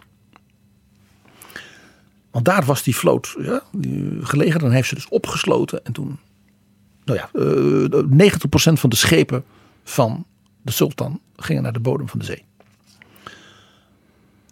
Dit werd in heel Europa gevierd als een triomf natuurlijk van de christenheid over de bedreiging van de Turken. Dus als we nu soms uh, problemen hebben vanuit Europa met Erdogan, dan heeft dat hele diepe wortels die ook in die tijd zichtbaar waren. Absoluut. Want ook Turkije zag zich natuurlijk als een wereldmacht. En in Lepanto kregen ze dus een soort knock-out. Als ik je vertel dat koningin Elisabeth I van Engeland, een groot tegenstander van Spanje, zoals je weet, ja. dat die een dankdienst organiseerde in de St. Paul's in Londen, waar zij dus zelf aanwezig was om God te danken voor deze overwinning van Don Juan d'Austria. Weer een andere bastaardneef, want Karel V had nogal wat kinderen bij andere vrouwen, uh, van Philips. En die was net als Philips en net als die Alessandro Farnese van Parma ook zo'n briljante jongeman. Nou, 1580 was natuurlijk het ultimum. Uh, hij wordt koning van Portugal. Want hè, een, uh, de, de, de laatste koning van Portugal sterft. In Marokko, notabene, in een veldslag. En hij zegt, ja, mijn moeder was ja. prinses van Portugal. Dus ja. dan word ik het. Nou, de Portugezen dachten daar anders over. Dat kun je je voorstellen. En toen heeft hij in een amfibische operatie. Dus de vloot en het leger hebben een soort tang hebben ze Lissabon ingenomen als verrassing. Hij heeft met die vloot ook nog de Madeira, de Azoren en al die Portugese eilanden ingenomen. Zodat de machthebbers niet konden vluchten naar die eilanden? Exact. En van daaruit doorbesturen? Hij was er zo trots op dat als je in het Escoriaal, dus in zijn paleis, even buiten Madrid kijkt. In een van de grote gangen is dus de hele geschiedenis gedetailleerd met kaarten van die vlootoperaties. Uh, dat was namelijk, ja, dat was zo briljant. Wie dat bedacht had, uh, hij had gewoon de allerbeste. En ja, daarmee was Portugal ook van hem. En dat hele wereldrijk. En net als zijn vader. Je raadt het al, imperial overstretch. Want Philips deed Azië, Portugal, ja, de sultan, de Nederlanden, Engeland. Hij trouwde met die Mary, zodat hij ook een soort koning van Engeland werd. Het was te veel. Professor Parker zei tegen mij: het probleem van Philips was dat hij nooit kon kiezen. Hij wist, ik kan dus een wereldrijk hebben en de sultan verslaan en dat kan ik. En ik kan de Nederlanden bedwingen, die opstand. Maar ik kan ja. niet alle twee tegelijk. En hij gokte. Ik ga het toch proberen. En daardoor dat hij die gok waagde, hebben de Nederlanders zichzelf dus kunnen redden. Omdat hij aldoor moest ja, zwabberen tussen. Oh nee, nu moet ik even weer in Portugal. Nu moet ik bij de sultan ingrijpen. Ja, want in die tijd. Dus dan moest je zijn aandacht weer van de Nederlanden afhalen. In die tijd begon ook wat wij later de 80-jarige oorlog zijn gaan noemen. Exact. Dat is de 80-jarige oorlog, het begin. Dus Jeffrey Parker zei tegen mij in dat interview toen: dat Nederland bestaat, is dus een wonder. Dat kwam omdat dus die koning van dat enorme wereldrijk zijn aandacht er niet voldoende bij hield. Want anders had hij er echt korte metten mee gemaakt. En ondanks het feit dat hij toch een beetje verdeeld had onder die tantes en die, en die andere dames. Ja. Hij moest wel zelf zijn kopie erbij houden en dat, het werd hem toch te veel. Ja. Hij heeft het nog geprobeerd na de moord op Willem van Oranje. 1584. Het jaar erop heeft hij ja, een soort diplomatieke ja, voelvingers uitgestoken naar de republiek. En onder andere de stad Gouda, die was erg Spaansgezind, hè, vandaar die goudse glazen. Hè. Eh, en toen heeft hij nog gezegd, kunnen we niet een compromisvrede sluiten? Ja, dus hij was wel bereid tot een soort toegeving. Ja. Hij wil, was natuurlijk politicus. Het was niet meer eh, van ik ben de baas en daarmee basta. Ja, hij begreep dat hij iets moest toegeven. Maar ja, de moord op Willem van Oranje was wel, dat was natuurlijk wel erg brute ingreep. Dus ze vertrouwden hem niet meer. En koningin Elisabeth van Engeland, die zat dus de Nederlanden op te stoken tegen Spanje. Want ze dacht, die Spanjaarden moeten werk hebben met hun legers in de Nederlanden en daar last van hebben, want dan gaan ze mij niet lastig vallen. Ja. Dus Elisabeth betaalde dus de republiek om door te vechten. Jawel. Ah. Nou, daar nam hij dus wraak op. Kon het ook niet zonder de steun van Elisabeth? Had het niet gekund? Nee, nee, Frankrijk steunde ook een, eh, de, de, de, de protestante vorst in Duitsland. Nou, nu snap jij de armada tegen Engeland. Dat was drie jaar na 1585. Hij dacht, ik moet wraak nemen. Ik moet die Elisabeth uitschakelen. Want dan kan ik de Nederlanden weer onderwerpen. Ja, dus het was niet eens zo zeer bedoeld om eh, Engeland in te nemen, maar meer om Engeland een kopje kleiner te maken. Uit te schakelen. Ja. Nou ja, hij deed dus hetzelfde wat hij in Lissabon had gedaan. Een combinatie van vloot en leger. En hij had natuurlijk die Parma, hè, dus Alessandro Farnese, die neef van hem. De briljante generaal die dus dat plan maakte. En dat is dus ook bijna gelukt. En de, en de Engelsen hadden hier natuurlijk totaal niet op gerekend dat dit zou gaan gebeuren. Dood, doodeng was het. Doodeng. En die wisten, het is gelukt in Lepanto. Het is gelukt in Lissabon. Ze kunnen dit. Het is dus op een haar na gelukt. Dat daar daarna natuurlijk een enorm triomfverhaal van gemaakt is. Tuurlijk, dat hoort erbij. Vervolgens was Spanje, net als bij zijn vader, weer bankroet. Dus toen moest er minder gevochten worden. En dat heeft dus de Nederlanden eigenlijk gered. Zo kon die republiek dus overleven onder leiding van Oldenbarneveld. Hè, want Willem van Oranje was vermoord. Ja, maar er was nog steeds wel die Spaanse dreiging. Zeker. Alleen het, het, het grootste gevaar was eigenlijk al geweken. Ja. Je ziet hier dus dat die Philips, dat was dus een, een man met een ja, wereldwijd omspannend regeren, maar ook een wereldwijd omspannende visie. Een heel andere man dan wij uit onze boekjes vaak denken. Hij was ongelooflijk toegewijd, ijverig. Een man met, mag ik het zeggen, Calvinistische werkethos. Bepaald geen eh, katholieke vrolijke Frans. Zwart altijd gekleed. Hij regeerde ook echt zelf. Briljant bestuurder, was heel introvert. Was dol op details, wilde alles weten, alles checken. Las alle stukken. Was een enorme bureaucraat dus. En een stratege. Geweldige kunstkenner.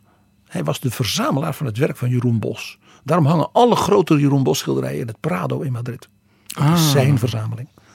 Was de grote verzamelaar van Titiaan de Grote. Het was nog heel moeilijk een paar jaar geleden om in Den Bosch bij de overzichtstentoonstelling eh, voldoende originele werken van Jeroen Bos te krijgen. Omdat ze ruzie maakten met het Prado. Ja. Eh, zoals ik al zei, het was een ingetogen, toegewijde man. In dat Escoriaal, ga dat bezoeken. Dat is een uniek gebouw. Dan kom je in zijn slaapkamer en zijn werkvertrek. Dat is niks. De grootste vorst op aarde. Een, een, st- een stoel, een bureau, een crucifix, papieren. En dat was Sober en doelmatig. sober en doelmatig. Eigenlijk zoals de huidige paus ook klein behuisd is. Ja. Op eigen verzoek. Ja. Elke ochtend zes uur op. Eerst de mis. Half zeven begon hij met werken, vergaderen, lezen, schrijven, regeren. At bijna niet. En hij was aan het werk met nadenken, plannen, instrueren tot elf uur s'avonds. Dag in, dag uit. En dan kon hij nog net met het oog op morgen beluisteren. Ja. En nog een keer bidden tot de heilige maagd om hem te beschermen. Hij corrigeerde de stukken van zijn ambtenaren met, zelf met hand. Financiën vond hij verschrikkelijk. Want hij begreep het niet. Hij kon- het is zo moeilijk. Dan liet hij zich altijd weer uitleggen. Om... Kun je delegeren, hè? Nee, maar dat deed hij dus niet. Dat was het punt. Hij was zijn eigen minister van Buitenlandse Zaken, van Financiën, van Defensie, van Godsdienstzaken en natuurlijk het hoofd van zijn eigen geheime dienst. Er was een Britse diplomaat die dus moest onderhandelen voor koningin Elisabeth en die zeg maar een maand of vijf, zes dus in het Escoriaal weet je, mee was met andere diplomaten en dus ook met de koning. En kon zien hoe hij dat deed. En die heeft een hele beroemde brief aan haar geschreven. Want zij zei, schrijf mij een portret van deze man. Want dat kon natuurlijk nooit ontmoeten. Hij was dus de absolute nummer één opponent. Wat is dat voor mens? Dan heeft hij geschreven, ik lees nu letterlijk voor uit het boek van Parker. Philips II, he is a most diligent prince. With his pen and his purse he rules the world. Het is een buitengewoon ijverig toegewijd vorst. En met zijn pen en zijn beurs regeert hij heel de wereld. Grote waardering dus bij deze Britse diplomaat. Grote bewondering. De Spaanse kroonraad, die moest beslissen na zijn dood, want dat was in Spanje traditie, welke officiële titel postuum deze koning kreeg. Dus zijn oma Isabella, hè, Los Reyes Católicos, de katholieke koningen. Het was een hele serie voorstellen, de rechtvaardige, de, de, en toen hebben ze hem Il Rey Prudente genoemd. De voorzichtige koning. De omzichtige koning. Want ze hadden, die kroonraadsleden hadden die man 40, 50 jaar op de troon gezien. En die zeiden, hij deed niets wat niet wel overwogen was. Wegen, wikken, narekenen, checken. El Rey Prudente. Parker, zijn boek heet The Imprudent King. De niet omzichtige koning. Dat is gek. Ja, want hij zei, ik heb uiteindelijk na 40 jaar ja, al die geheime stukken, alles lezen. Ja, hij was zeer prudent, omzichtig. Maar hij was een strateeg en wat een waaghals. Lepanto. Uh, de Filipijnen, dat wereldomspannende, de Armada. Want je kon natuurlijk wel prudent denken, maar dingen moesten uiteindelijk nog worden uitgevoerd. Hij zegt, hij was een waaghals, een durfal. De operaties die hij deed, internationaal, met zijn leger. Hij zegt, hij was een imprudent king als hij zijn daadkracht dat is ook wel weer grappig, hè? dat zo'n Jeffrey Parker in feite het hele imago omdraait. Want hij heeft zoveel nieuwe informatie gevonden in de archieven. Geheime stukken die voor het eerst geopend werden. En hij zag, ja, dus na, het klopt wel enigszins, maar meer dan niet 400 jaar. Hè? Na meer dan 400 jaar had niemand die stukken gezien. Ja, ja. Daarom is geschiedenis een mooi vak, maar dat hebben de luisteraars betrouwbare ronde uit mijn mond wel vaker begrepen, denk ik. Imprudent King. Dus dat zwarte beeld van Philips II in Nederland. Ja, Ik snap het natuurlijk wel. De vijand. Ja, en hij liet Willem van Oranje gewoon vermoorden door iemand van zijn geheime dienst. Hij was zelf de baas van zijn geheime dienst. Zodat hij daarna kon praten met die steden van ja, hij is nou dood, zullen we maar een compromis maken. Dat was natuurlijk wel Machiavelli, hè? En ook wel wreed. Ja, dus je begrijpt. Hij wilde natuurlijk zo presenteren van ik kom jullie te hulp, want jullie zitten in moeilijkheden. En oké, we zijn niet netjes met elkaar omgegaan de afgelopen tien eh, jaar. hele lange periode. Uh, maar laten we nu gewoon fijn met elkaar doorgaan. En ja, uh, Willem is er niet meer. Ik, ik moet u nog, nogmaals ja. condoleren. Ja. Maar ik wil graag samenwerken. En u heeft de koning van Spanje toch altijd geëerd. Ja. Ja. ja dus, dus u kan ook in zijn geest handelen door nu samen te werken. Ja. Maar de echte reden waarom hij natuurlijk zo'n zwart imago heeft, is iets heel anders. Deze man was te modern, te krachtdadig. Hij was, zoals de tantes en zijn overgrootmoeder Isabella, een centralist. Dat had hij van zijn moeder Isabella van Portugal, van zijn grootmoeder geleerd. En de Nederlanders kwamen nog uit dat samenwerkingsidee van al die provincies. En die steden met hun eigen rechten. En, en ook het samen dijken bouwen, polders neerzetten. Maar wel ieder zijn eigen dingetje typisch Nederlands. Je moet je ding kunnen doen. Wat vandaag de dag nog steeds zo is. Dus hij was el re prudente. Maar hij was volhardend. In het prudent stap voor stap die koninkrijken centralistisch maken. Uniformistisch, centraal geleid. Zoals Isabella het hem had voorgedaan. Dus toen hij de tiende penning, die beruchte belastingmaatregel invoerde. Wat was dat? Dat was natuurlijk een vlaktax. In plaats van al die losse dingetjes, zei hij: U krijgt één belastingtarief op alles. Iedereen moet ook betalen en het is maar 10%. Dat was natuurlijk efficiënt, modern. Ja. Absolutistisch. en goed controleerbaar meteen.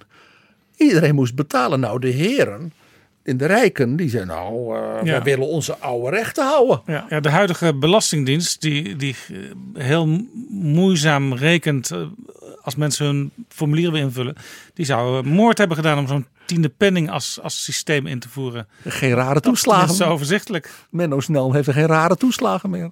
En die rare spaartax die hij nou heeft moeten intrekken. Ja, eh, eh, eh, maar dat typisch Nederlandse particularisme, ieder zijn dingetje, dat botste dus op deze prudente maar krachtige heerser. En dat ging natuurlijk ook mis bij de godsdienst en de vrijheid van meningsuiting. Want hij zei, ik ben de koning, ik wil toch echt kunnen dirigeren. Zo moet er worden ge- geloofd. Ja, ketters, ja, dat, dat, dat is toch niet de bedoeling. En dat ging dus mengen, dus dat verzet tegen dat uniformisme, dat moderniserende van hem, centraliserende, met dus die strakke lijn ten aanzien van zeg maar de godsdienstvrijheid. En dat werd een explosief mengsel. En daar zag je dus dat zijn tantes en zijn vader daar meer gevoel voor hadden gehad. Die lieten het een beetje, ja, er werd af en toe wel een beetje iemand op de brandstapel, maar ook weer niet te veel. Ja? Die polderden een beetje mee. En hij zat daar in dat Escoriaal en werkte dag en nacht en schreef instructies en brieven. En die, dat gevoel. Dus toen hij Ja, dat compromis ja, wilde na de moord op Willem van Oranje, dat was een mooi voorbeeld van too little, too late. Ja, en zijn, zijn, zijn voorgangers, die, die zaten dus eigenlijk meer in wat je zou kunnen noemen een soort multiculturele samenleving idee. Van elk deel van Europa heeft weer zijn eigen eh, eigenaardigheden. En daar moet je een beetje rekening mee houden. En hij zei nee, vanuit Escoriaal, ik regel het gewoon en iedereen moet in de houding springen en ja en amen zeggen. Ja, hij werd dus naarmate hij langer koning werd, onbuigzamer, eh, minder goed luisterend, meer directief. Ook omdat hij het gevoel had dat enorme imperium, het wordt alleen maar nog groter. Nu komt de keizer van Japan op bezoek. Ja, eh, ik moet het allemaal in de greep houden. Dus dat centralisme, dat steeds strakker willen, dat is wat natuurlijk Willem van Oranje in dat beroemde zesde couplet, de tirannie verdreven die mij mijn hart verwond. Dat was dus onze harten worden gedwongen. En dat is tyranniek. Dat was dus dat centralisme. Dus Philips was de man die eigenlijk dus de vertrouwensband brak met die 17 gewesten van de Nederlanden. En dat is opmerkelijk. Altijd geëerd, ook door Willem van Oranje, die hem dus persoonlijk goed kende als de briljante prins, zoon van de door hem zo bewonderde eh, Karel V. Die bovendien Willem van Oranje zo bu- buitengewoon sympathiek altijd zijn carrière bevorderde. Ja. Dus Philips II, die, die, die, ja, die werd zwart afgeschilderd vanuit Nederland. En Omdat, begrijpelijk ook. omdat hij dus die vertrouwensband, die dus die tantes en Karel V nog wel hadden gehad, doordat hij strakker werd, centralistischer, ja, onbuigzamer, brak als het ware het, het, het, het lijntje. Want Maar Willem zijn- van Oranje had hem dus ook hem altijd als koning van Spanje altijd geëerd. Hij onderstreept dat dus.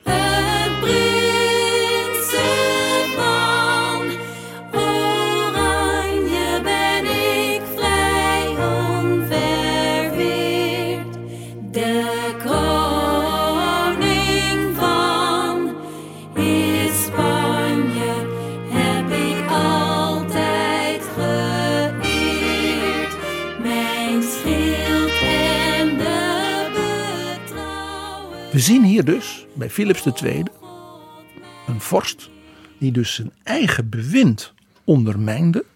Doordat hij zo ijverig was. Zo krachtdadig wilde zijn. Het zo goed wilde doen. Ja?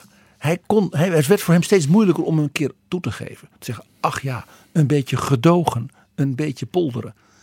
Hij zat zo achter dat bureau in zijn eentje van s morgens half zeven En hij tot dacht elf ook- uur. ja. En hij wilde het goed doen. En hij dacht ook, dit is ook goed voor jullie economische voorspoed, dus luister nou naar mij. Terwijl ehm, later is natuurlijk ook discussie geweest, dat speelt eigenlijk nu opnieuw weer in Nederland.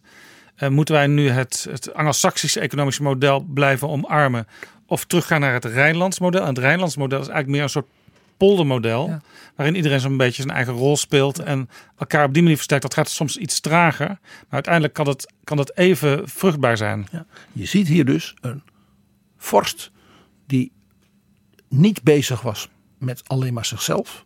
En feest vieren en achter de, achter de vrouwen aanzitten. Maar een kunstminnaar, een strateeg.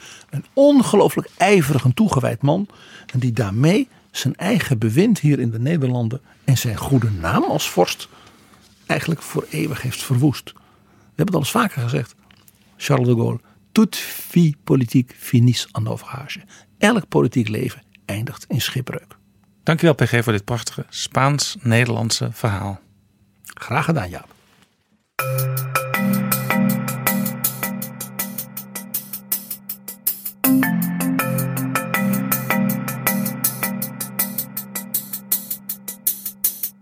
Zo, dit was Betrouwbare Bronnen, aflevering 49. Volgende week gaan we het onder meer hebben over de vrijheid van onderwijs, artikel 23 van de Grondwet. Waar komt die vrijheid van onderwijs vandaan en waarom is die nog steeds zo belangrijk? Wil je reageren op deze aflevering? Doe dat op Twitter. PG en ik zitten er allebei op. Apenstaart PG Kroeger of apenstaart Jaap Jansen. Het kan ook per mail. Betrouwbare bronnen, apenstaart dag en nacht.nl. Dus betrouwbare bronnen, apenstaart dag en nacht.nl.